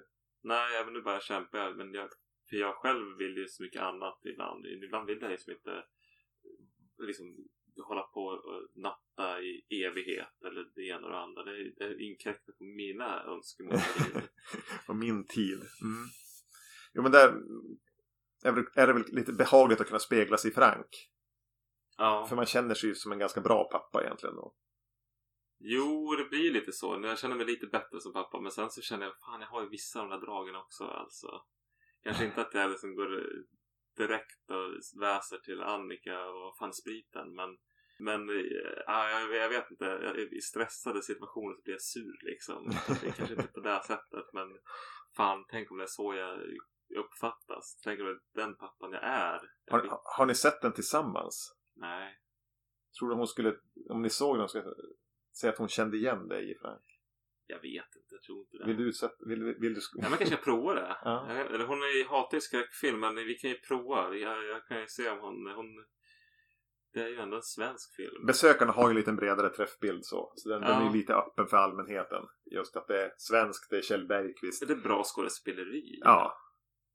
Det är, ja men jag tycker nog att man kanske ska göra ett försök. Den ingår ju liksom i, i en, en så här gateway-skräck i så här tycker jag ändå.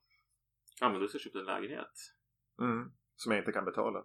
Du kanske kommer höra fotstegen uppifrån. Fast det kanske du kanske har grannar.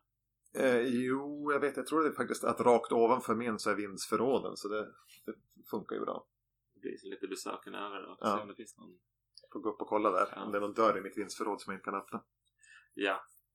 Nåväl, då har vi på B, något mer på B. Vi har pratat ändå ganska bra. Jag tycker att den känns välskriven och välspelad. Spelad. Sen finns det, jag tycker barnen, de är ju jämnåriga egentligen. Fast den ena känns ju mycket yngre. Ja, och de är ju lite lämnade åt sitt öde. Där tänker jag kanske att, att en oerfaren regissör, du ska ju aldrig ha med barn i en film. Det är hopplöst att regissera barn. Och är du då, en, är, är du då 25 och knappt har regisserat något tidigare så blir det nog svårt. Ja. Och även i ärlighetens namn, Patrik Ersgård som brevbäraren, han är ju, han är ju bara comic relief. Han är ju inte jättebra. Men jag skulle ju verkligen inte vilja att filmen var utan honom. Nej, jag tycker att han är ju en del av besökarna. Han är, Ja. det måste käka låda. Ja. Men det är ju det är kul. Det är kul. Men det är inte kul på ett bra, alltså det är inte så, det är inte, känns inte som högkvalitativt. Nej. det sättet, Men trevligt att se. och hans eh, banan. Alltså det är ändå de här små detaljerna. Att han kommer tillbaka och tjatar om lådan. Och att han alltid äter banan. Och kan inte låta bli att gå in och ska ta en banan. Det är som det som gör att han fastnar med Allan. Ja. Hade han bara lagt posten där så jag kan inte låta bli. Han älskar bananer så mycket. Det är så här små grejer att skriva på en sån alltså egentligen meningslös sidokaraktär. Som ändå ger det lite, det blir lite fyndigt. Det blir lite, det blir lite roligt helt enkelt. Jo, men, men, men sen så tänker jag, det, det tänker jag inte på nu, men det är ju också, om man ser den här för första gången, så är det ju liksom att han har sina bananer som en drivkraft att komma in i huset. Ja. Och huset blir ju faktiskt, det, det är ju faktiskt filmat så, så det blir som ett hot mot honom. Jo, jo Man ser ju honom från husets perspektiv. Exakt. Så man kan ju lika väl tro att fan nu kommer demonen och tar honom. Ja. Så Ja, men- en, en annan sak, jag vet inte om det, det här är nog inte en, en inläsning som jag läst, men jag tror det har att de inte har någon brevlåda. Det är ju konstigt att ett hus inte har en brevlåda om det inte har stått tomt väldigt länge. Tror du det var medvetet? Eller du kanske inte ens har tänkt på det? Nej, inte förrän du säger det nu. Det är klart att det är få hus som inte har en brevlåda. Men han vet ändå att det ska dit post. Ja, men de har väl skrivit sig där uppe. Ja. Så han ska dit med den. Han säger att den ska vara nere vid vägen. Ja, vart har den tagit? Finns det en... Eh... Ja, det, det, det, jag får ju som känslan av att det här huset har liksom bara varit så här utanför marknaden väldigt länge. Då. Ja, därför att Ja, kanske var det prissatt eh, lite utanför marknaden. För att den som satt med tog, ville ha för mycket betalt eller någonting. För de, det ska ju tydligen vara dyrt. Ju, Ja, just det. Ja, det är knepigt. ja, det går inte riktigt ihop. Nej, det var en... Även jag lite att det... En sak, men varför, varför finns ingen låda tycker jag kan vara lite så subtilt sätt att säga att den här har stått öde väldigt länge. Det, är liksom Ja. så här, det, det bara, ja men det finns ingen, för att det, det inte varit någon som har bott här på 40 år. Men det stämmer ju inte med, då, då borde det ju vara ett, ruckel Mm. som man får från spottstyver och då borde det inte vara ett ekonomiskt problem för dem. Det kan ju vara så att det var ett ruckel och att det ekonomiska problemet har med renoveringarna de har gjort. Ja, det kan det ju vara. Det är ju rätt så det ser ju lite ruskigt ut. Nu tror jag att när man går in på, jag var tvungen att kolla upp huset på Google Maps. Ja, Det är ju jävla lyxvilla nu med tennisplaner och skit. det är det. Det är ingen idé att köpa det och hoppas att det ska... Är det gult fortfarande? Ja, men det har en våning mindre än vad det har i filmen. Hur har de gjort det? De byggde till en våning för att det måste finnas en vindsvåning. Alltså, if, när de spelade in filmen så la de till en våning. De har alltså spikat på en kuliss på, Ja, på taket. På taket. Alltså, de har ju satsat väldigt mycket pengar på sådana detaljer. Ja, det var enklare att hitta ett hus som hade en tredje våning. Ja, det borde ju vara det. Ja. Men det där var ju ett fint hus. Det är ju, passar ju besökarna. Det är ju ja. besökarna-huset. Ja, ja, det finns ju ingen, det finns ju ingen ersättare. Jag tror ju att grunden till det här med lådan är ju för att ge brevbäraren någon, alltså en Ja. återkommande replik. Ja men precis, man ska få den här, för det är ju liksom väldigt tydligt att på nätterna det händer otäcka saker.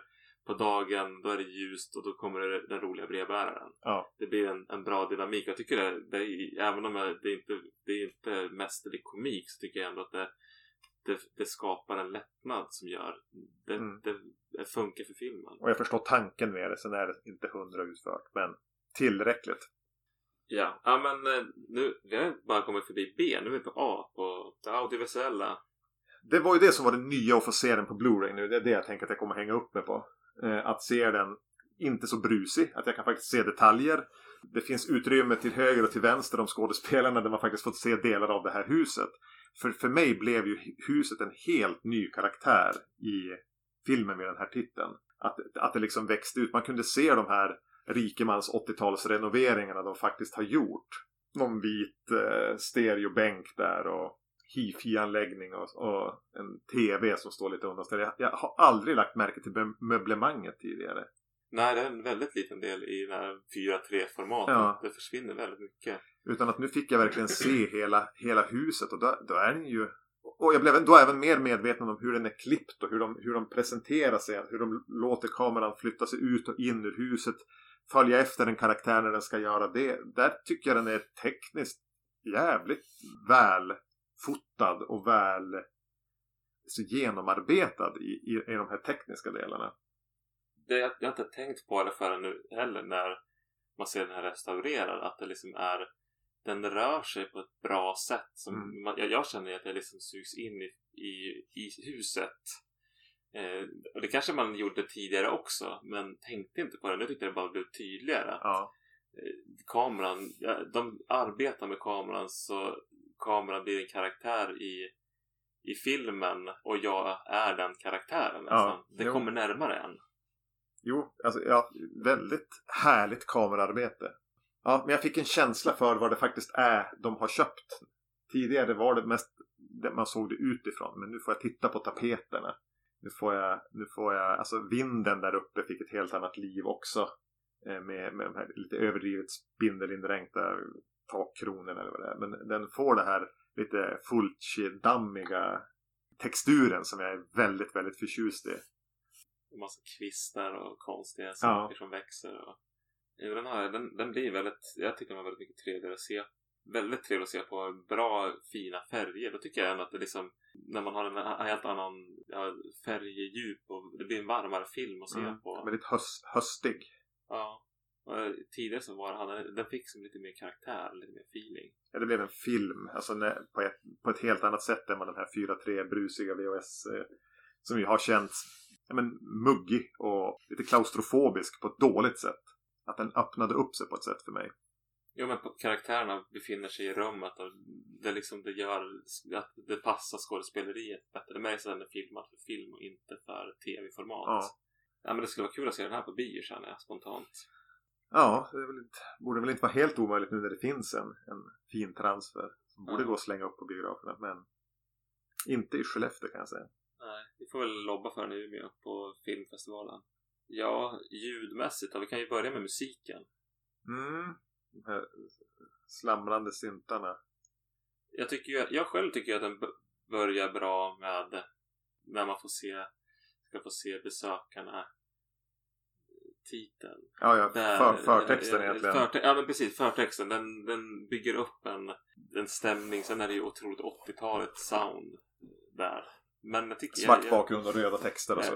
och, och kanske är det för att när jag såg den här första gången så var jag ett barn och tyckte det, det var första gången jag såg en, en film som var otäck på riktigt. Ja. Det var ingen barnfilm utan det här är liksom, det är vuxna människor som det här är farligt på riktigt. Jag upplevde verkligen besökarna som farlig. Mm. Och då kanske den här känslan växer fram när jag ser på det. Alltså det skulle Björn till exempel som nog ser den här för- besökarna för första gången nu. Han kanske bara tycker det är förjävligt. Så det är intressant att se honom kommentera det här. Ja, verkligen. En första titt på besökarna. Men lite av, både lite avundsjuk och lite så här att jag skulle, inte vilja, jag skulle ju inte vilja vara utan min his, historik till den. För det är det som gör det till det det är nu. Ja, det kanske är jättemedioker för en annan. Men det är svårt att tro det. Jag tycker ändå är ganska kvalitativ. Ja. Ja.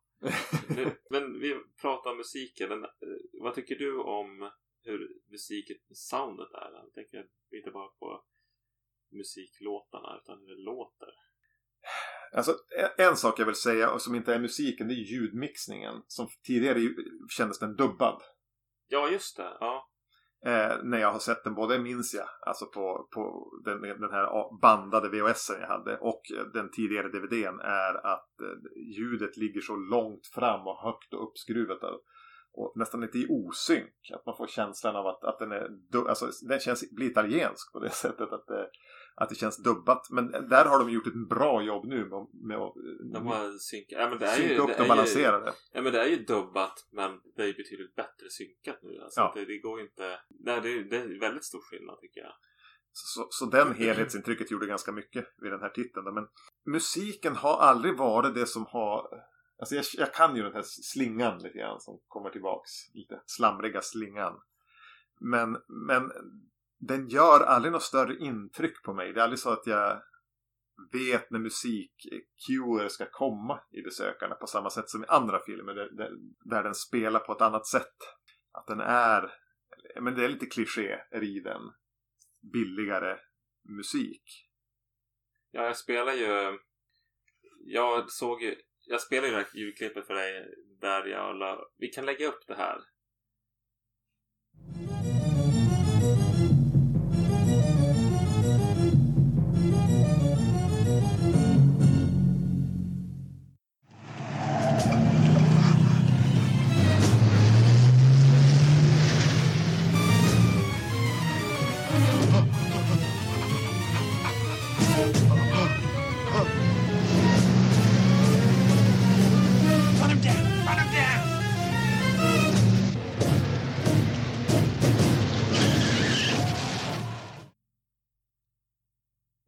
Om det här när jag jämförde De var ju fruktansvärt lika. med eh, Maratonmannen. Maratonmannen? Precis. Jag, jag, jag såg ju Maratonmannen för några år sedan och hajade till att jävlar vad likt det här var. Ja. Ja, det var... Det var, det var Så det, de kan ju, han som har gjort musiken till besökarna kan ju inte ha tagit inspiration någon annanstans ifrån. Nej. Det är väldigt svårt att tro. Han hade väl, som du sa, bara en helg på sig så han fick ju panik. Sen så, Mm. Med Maratonmannen, den är jä- jävligt spännande jaktscen där. Den måste vi... funkar bra när man ska pumpa upp adrenalinet Ja. lite grann. Men det funkar ju ganska bra. Ja. Jag tycker det funkar bättre i Maratonmannen dock. Men eh, jag tror Dustin Hoffmans gage skulle ju räcka till att betala tre besökarna. Säkert. Mm. Ja. Väldigt bra för övrigt. Tycker jag. Ja men eh, där, ja, sen tycker jag att det en sak som har varit bra med filmen egentligen än, tidigare men som blir tydligare bra nu är ju, apropå ljud, är ju att det, det, det lever ju om i det här huset. Ja. Och det känns, och och det är bra. Det är liksom Mm. så ganska, det är inget så här, det är inte så mycket eh, hög, specialeffekter eller så där, utan det är liksom, det krafsar lite i väggen. Skulle kunna vara råttor. Ja, det är någonting. Och man, man, men, men, men när man får förklara för sig vad, vad det kan vara för någonting så, så spökar sig, ja men det kanske är det ändå. Det, det är Ja. liksom verkligen att det, man jag får en bild av att det är något stort och tungt Mm. som ha- hasar sig fram i det här huset. Och det skrämde fan skiten ur mig när jag var liten. Hörde jag någonting. Det, det är också väldigt nära verkliga ljud. Mm. Så jag hörde sådana här ljud jättemycket när jag var 7-8 år när jag hade sett den här och var livrädd. Jo, det här, det här hasande djuret är ju nästan lite grann som ett hus kan ge ifrån sig om vinden får tag i det så att det knakar till synkroniserat i några rutor eller eh, ventilationen eller eh, något rör som det passerar vatten genom. Det, det, det är lätt att missta för verkliga ljud. Men det är ju även någonting stort och tungt som rör sig i huset. Ja, särskilt där på slutet när den, där den går lite mer forcerat. Ja, den skruvar upp. Ja men det har, så där tycker jag, och det, den, den, de, de, det känns som att de är, eh, har arbetat mycket med att bygga upp en stämning och skrämma upp en och har fattat att vi måste liksom börja med ja, men, känslan liksom. Och att det måste kännas riktigt. Sen så kanske alla inte håller med. Det kan, många kanske tycker det är lite, det inte köper det, men jag tycker ändå det känns på riktigt på något sätt. Ja. Som väldigt få skräckfilmer känns. Ja, men det är ju det här, alltså det svenska, när det som kan, men det är de här gamla Bregott-paketen de var framme som man känner igen från när man var barn. Ja, Eh, att, att, att du får de här kopplingarna till verkligheten på ett annat sätt än vad vilken amerikansk film som helst kan göra egentligen. De får saker gratis för man kan verkligen känna igen sig själv i någon handdukar som hänger upp vid något tillfälle också. Den förankrade ju min verklighet annat än vad ja, men Poltergeist gör. Det är en amerikansk verklighet som jag inte riktigt kan relatera nej, den är till. lite svårare. Nej, men jag tycker också att det, jag känner igen mjölkpaketen som han köper för många av. Och allt, det, det var de mjölkpaketen vi hade när jag var liten. Ja, men absolut att det är svenska miljöer. De är på det här varuhuset som känns jävligt svenskt på den tiden. Ja. En svensk bil och ja. Men, men, men i övrigt med musiken vet jag inte riktigt. Jag, jag, jag är ganska dålig på att höra musik i film. Och tänka på den. Men jag tycker att när den, när den här eh, skräck-actionen ska, ska som verkligen kicka in på högvarv mot slutet när han hänger, snurrar runt där i, i det här läskiga rummet och han är uppe på taket och sånt där. Det, ja, men den drar ju tillräckligt för att det ska bli lite spännande på det här mer thriller-sättet än läskiga sättet. Oj, ska han falla? Kommer han att falla? Kommer de att lyckas sätta in den här strömkabeln? Få tag i den när de sträcker ut handen? Ja, fy fan så det är läskigt när ungen, jag tror han skulle slå ihjäl sig. Ja. Den, där tycker jag musiken gör ett tillräckligt bra jobb för att ge det lite skjuts att vara, vara spännande. Ja, det, man får verkligen känsla för en stackars Frank som råkar ut för bara mer och mer skit. Han blir riktigt illa behandlad sista tio minuterna. ja. Ja, fy han gör illa sig mycket. Ramlar ner genom fönster och får takbjälkar över sig. Över sig och skjuter väl egentligen ström genom hela sig själv.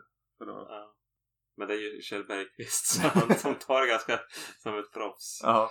Ja, han gjorde en del av stunt, inte alla, de hade väl stuntmän på det där en del, men han gjorde nog den här när han hasar hakar kvar i bilen. Jo, det verkar vara är han. det är ju väldigt väl gjort ändå. Tycker jag, jag vet inte. Sen är det lite halvdåligt när de har den här biljakten, fast det kanske är mer hör till berättardelen. Men det är liksom, jag tycker att så här, natthimlen och det där ser så jäkla... Ja, just det. Det är ju lite återkommande den där märkliga nattimmen. Ja. Jo, den biljakten hade man väl kanske klarat sig utan. Sen undrar jag om de hade Johannes Brosts röst eh, vid ett tillfälle när han råkade ut för en olycka och skriker. Jaså? Det lät ju som om de var pålagt något annat. Ja, ingenting jag tänkte på. Ja, jag kanske... Men du får lyssna nästa gång du Ja. ser den. Får lyssna efter. De säger ingenting om det med kommentarsspår. Nej, inte det. Vad jag minns. Däremot så är det ju Patrik Ersgård som pratar i telefon när Frank ringer till Allan. Jaså? Tydligen. Ja. Men det hörde jag inte. Jag, jag tycker ju liksom att den här filmen är audiovisuellt bättre än vad jag trodde den skulle vara. Att Ja. det verkligen var, den behövde den här restaureringen. Den lyfter den framåt på något vis som jag inte, verkligen inte var beredd på. Att det skulle göra så stor skillnad att få se den som den var menad att ses. Ja, jag trodde att det skulle vara att den här det som skulle vara den stora skillnaden var att man fick se fler scener. De gör skillnad. Men det är, den stora skillnaden är i att man ser mer i det som man redan har sett. Mm. Jag, jag tycker till exempel i slutsekvenserna så ser jag saker och ting som jag har, var så det låg till där uppe på vinden. Ja. Som jag aldrig hade sett förut för att det var en för dålig bild för att se det. Jo, den får en helt annan... Ja, alltså jag hade aldrig tidigare... Jag hade svårt att förstå att det var en spegel Ja. tidigare. Jag vet att jag såg, jag tror det var bland de senare gångerna jag såg om den. Men när jag var barn förstod jag inte vad det var de tittade mot. Nej, utan det var någonting på vinden där. Ja, det Och kommer ju en man- mörk vrå. Men det är tydligt en spegel Mm. som är som en portal. Precis, och nu ser man till och med liksom, i den här utgåvan kan man som sagt se konturerna av vad som kommer i portalen. Mm. Tycker du att det här ser man för mycket? Nej, jag vill nog ha den där punchen. Riktigt. En sting. Så här, och det, den är kort. Och det, ja. men, men, men jag tänker också det att det finns ju flera entiteter. Det där är ju en av dem. Någonting annat har, är kanske någon annanstans i huset. Eller de kommer och går. Det där kan ju vara vad som helst. Det där var den som var på väg ut just då. Nej men vi, ja, vi spann ju vidare på en uppföljare att den här äh, som klampar runt är den som blev instängd i den här världen Ja, när för portalen stängdes. Förstör spegeln, stänger portalen och någonting var kvar där. Så börjar huset brinna så den Ja, flyr ut i skogen där. ja, Eller det som nu då är en tennisbana. ja. Ja, den sabbar mina serv här. Det är så uppföljaren kommer vara. Besökarna 2. Eller Smash. Dubbelfel kan man heta. Dubbelfel. Det är ju väldigt bra tagline. Vad heter det? Ja, men eh, R. Vi kan ju ha det som två stycken R. Ska man se filmen? Ja, ska man definitivt göra. Jag tycker framförallt man ska köpa den nya utgåvan och se den så. Ja, ser inte den gamla bara för att. Utan har du inte sett den så det vinner ingenting på att se den gamla. Utan man ska ha den nya. Och kasta sig på den. Klicka hem den så kanske vi får en uppföljare. Ja, det här. Jag drömmer om en uppföljare på den här. Det skulle vara... Tänk om Kjell Bergqvist skulle vara med på det här. Innan Kjell Bergqvist dör så måste den ju här. Och han är ju fortfarande bra. Ja. Och han känns som att han skulle kunna göra det här. Han, jag tror inte att han är den som är snobbig på det här viset. Nej. Som sagt var, är det, är det en tillräckligt bra idé så gör han det. Ja. Jo, men jag tycker det här var, det här är ju en, jag har längtat efter att se om den här. Jag, jag kommer ihåg att jag har, när det kom på tapeten att den skulle komma som en Blu-ray-utgåva så var det verkligen så att nu ska jag inte se den här DVDn förrän den kommer på Blu-ray. Jag vill inte förstöra filmen för mycket. Men det har varit svårt. Jag har till och med börjat se filmen i mina drömmar. Så mycket har jag längtat efter att se den här. Abstinent. Ja. Jag, och jag blev inte besviken. Sen är filmen i drömmarna är ju helt annorlunda än i, i verkligheten. Mm. Men mest på gott för den blir mycket otäckare då. ja, det var ändå kul att den på något vis aldrig hade varit bättre när jag ser den nu 2022. Och det var nog, ja, det blev en, det blev en, en förhöjd version av filmen för mig. Det blev en förhöjd upplevelse. Så Ja. det är en väldigt stark rekommendation. Ja. Vad tyckte Magnus om den här när vi snackade om den i Vacancy? Ja, men jag tror att han tyckte om den. Han har inte samma ba alltså barndomsrelation till den. Men han har sett den, tror jag. Nu går jag lite på minne här och mitt minne sviker mig hela tiden. Men han fastnade mycket vet jag på, på Kjell Bergqvist och på den karaktären. Och att han var, hur bra han var och hur karaktärens resa lite grann som han gör. Eh, Det är det jag minns att han sa. Ja, just det. Ja, men eh, han är inte så förtjust i spök. Han är rädd för spöken. Ja, just det. Jag tror bröderna Ersgård som har skrivit den här, eh, de tror ju på spöken. Hävdar de i varje fall. Ja. Och hävdar att det fanns någon, någon spökkaraktär som var med på någon visning och sen dök upp hemma hos dem. Men de fick aldrig veta vem det var. Eller så är de bara full i fan. Ja, jag tror det. de pratar, men de pratar i kommentarsspåret så pratar de väldigt mycket om att det spökar liksom. Ja. Eh, ja, men jag tror att det, det känns samtidigt. Man får, jag tycker det är värt att vara för kommentarsspåret att se, köpa Blu-ray. Jag tycker det var väldigt underhållande. Det är mycket sånt. ja, jag längtar till att se den i kommentarsspår helt klart.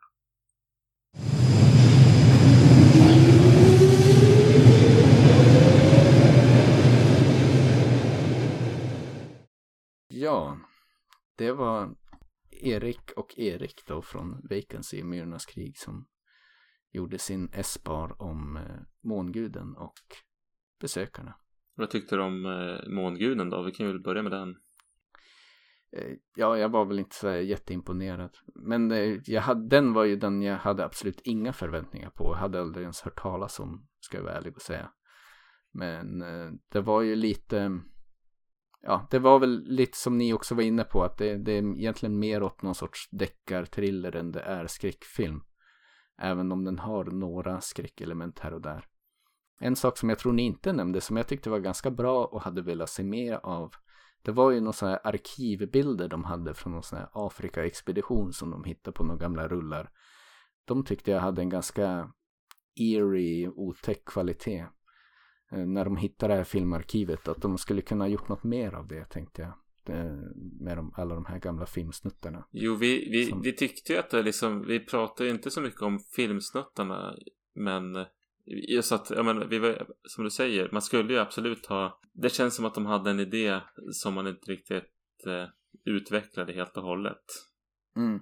Men det, en samlad känsla av hela den filmen kanske är att det spretar lite hit och dit. Det är en deckare men den råkar bli lite skräck och den råkar bli lite found footage men den tar liksom inte, löper inte linan ut så det blir liksom lite omoget eller vad man säger, omoget eh, manusmässigt.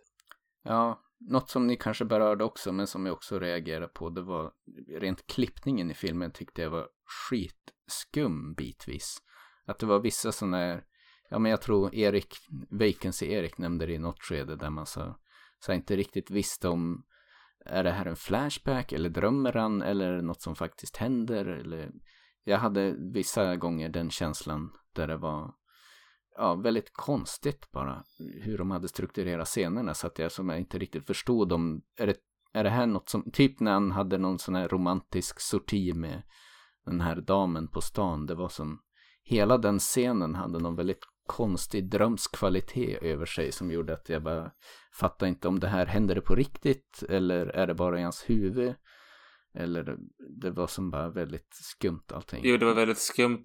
Och lite grann, jag fick också lite grann känslan av att och det kanske inte gör någonting men jag tycker att det gör, det blir ett problem när det blir lite sådär luddigt för att det känns som att det finns ingen poäng med att göra det luddigt. Så då blir det bara konstigt det, för liksom, det, gör, det tillför ju som inte någonting att ha det som en drömsekvens men det tillför inte heller någonting att ha det som en verklig sekvens heller det är liksom, det är i sådana fall här, att han drömmer om hur han ska hitta det här stället som sen leder till det här Filmarkivet. dolda filmarkivet, precis. Mm.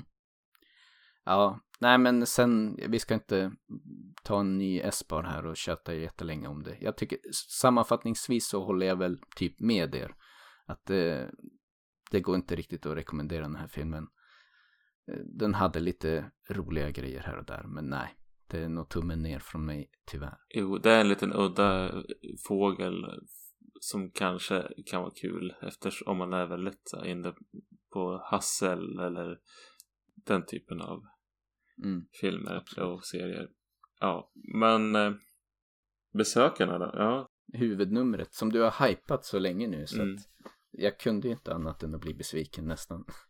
Men det är väl lite sådär att eh, som vi berörde kanske innan ni började prata om också att jag känner att den här både du och Erik från Vacancy verkar ha en lite mer historik kring den här filmen. Liksom man har sett den när man var liten, det var jävligt hype.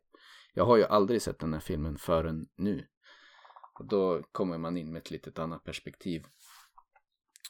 Eh, mm. Med det sagt så tyckte jag väl inte egentligen, den var inte dålig men den är, för mig är det ju inte en otäck film så.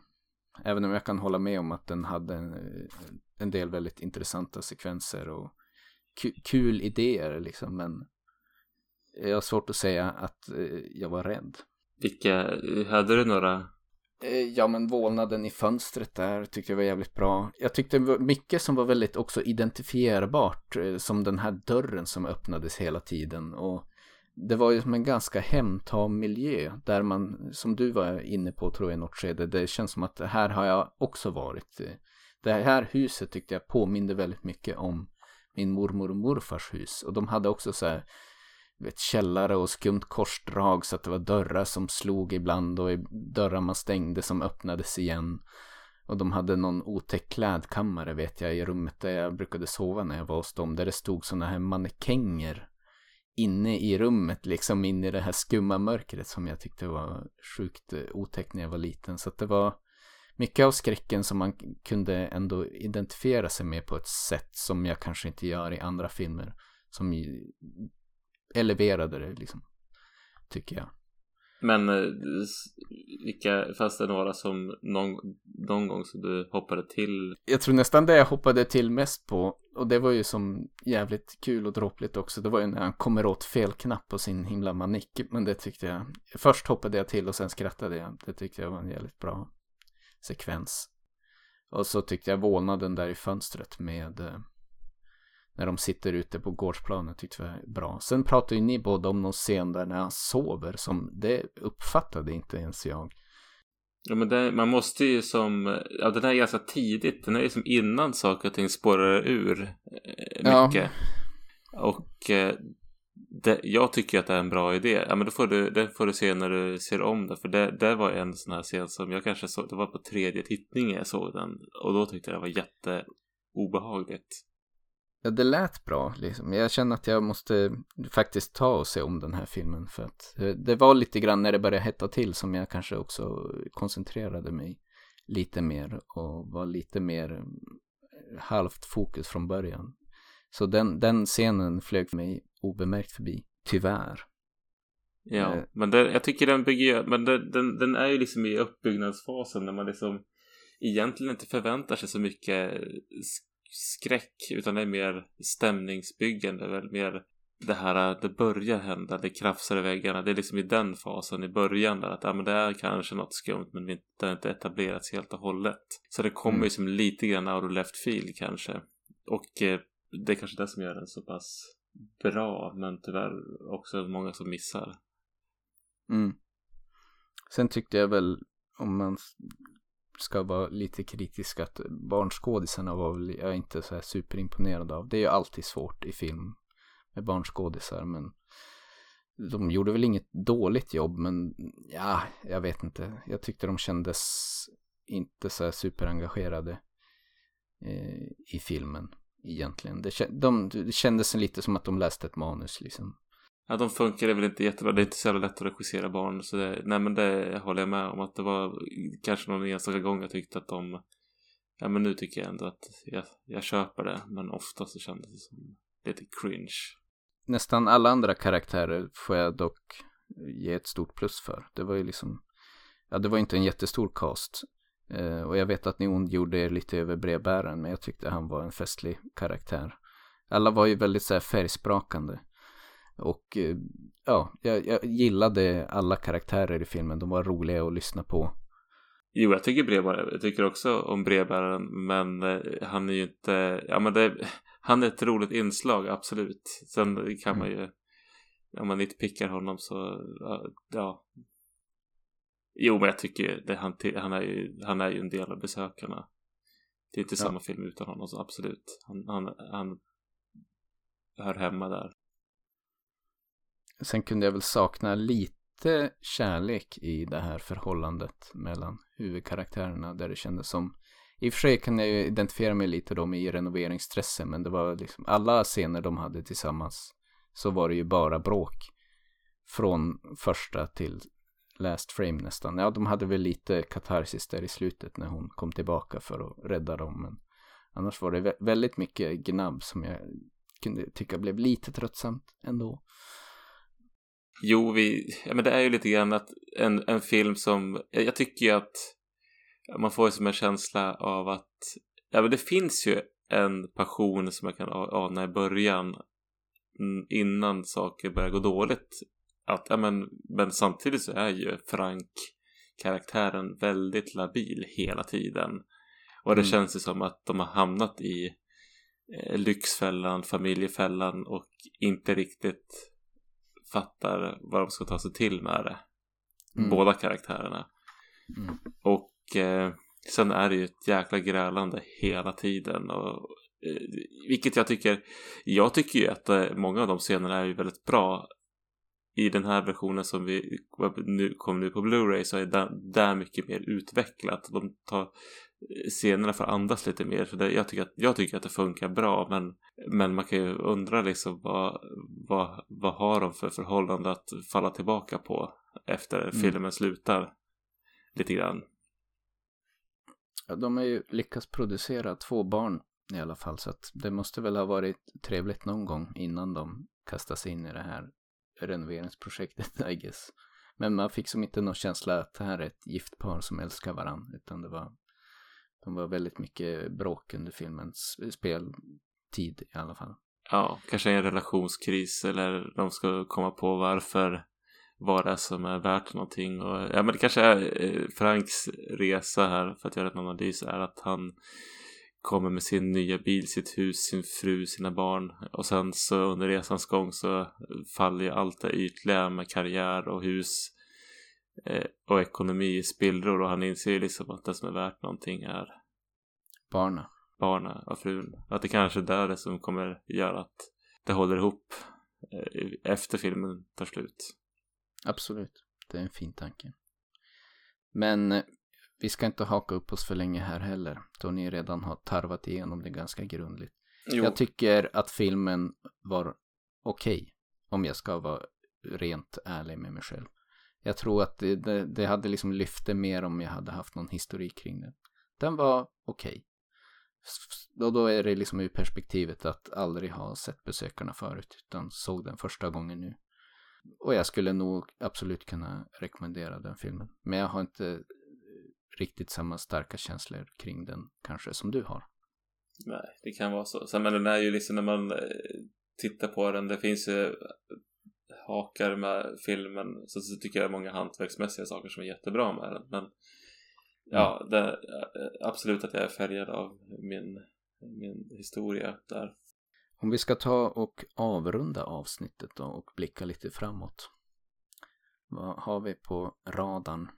Jag har ju identifierat en sak på radarn och det är ju den, det som jag har hypat i några avsnitt här som vi sa att vi skulle återkomma med är ju att eh, The Medium som eh, vi, jag vill ju prata om The Wailing är en av mina favoriter och då samma regissör har ju kommit med The Medium som vi har väntat på att eh, få se.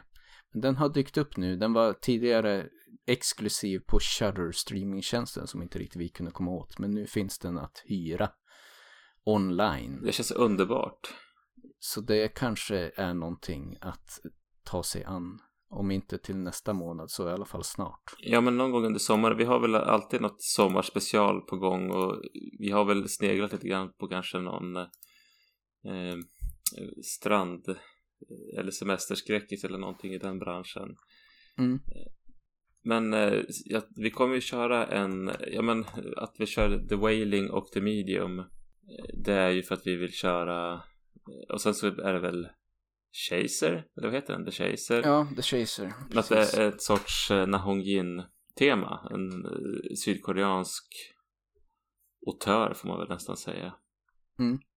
Det, det står på agendan. Men eh, som du säger, nästa månad kanske vi får ta någon sorts sommarspecial av något slag. Strandtema kanske. Något som är lite lättsammare, som är lite mer somrigt, lite härligt, lite feeling. Så får vi hugga in i det här mer, lite mer ambitiösa. Lite senare. Men det, vi kan väl nästan lova att nästa avsnitt då blir sommar. Och så får vi Mm. se vad som blir därefter. Det låter bra. Ja, Med det sagt så får vi väl önska alla som lyssnat god natt. och sov gott. Och dröm sött.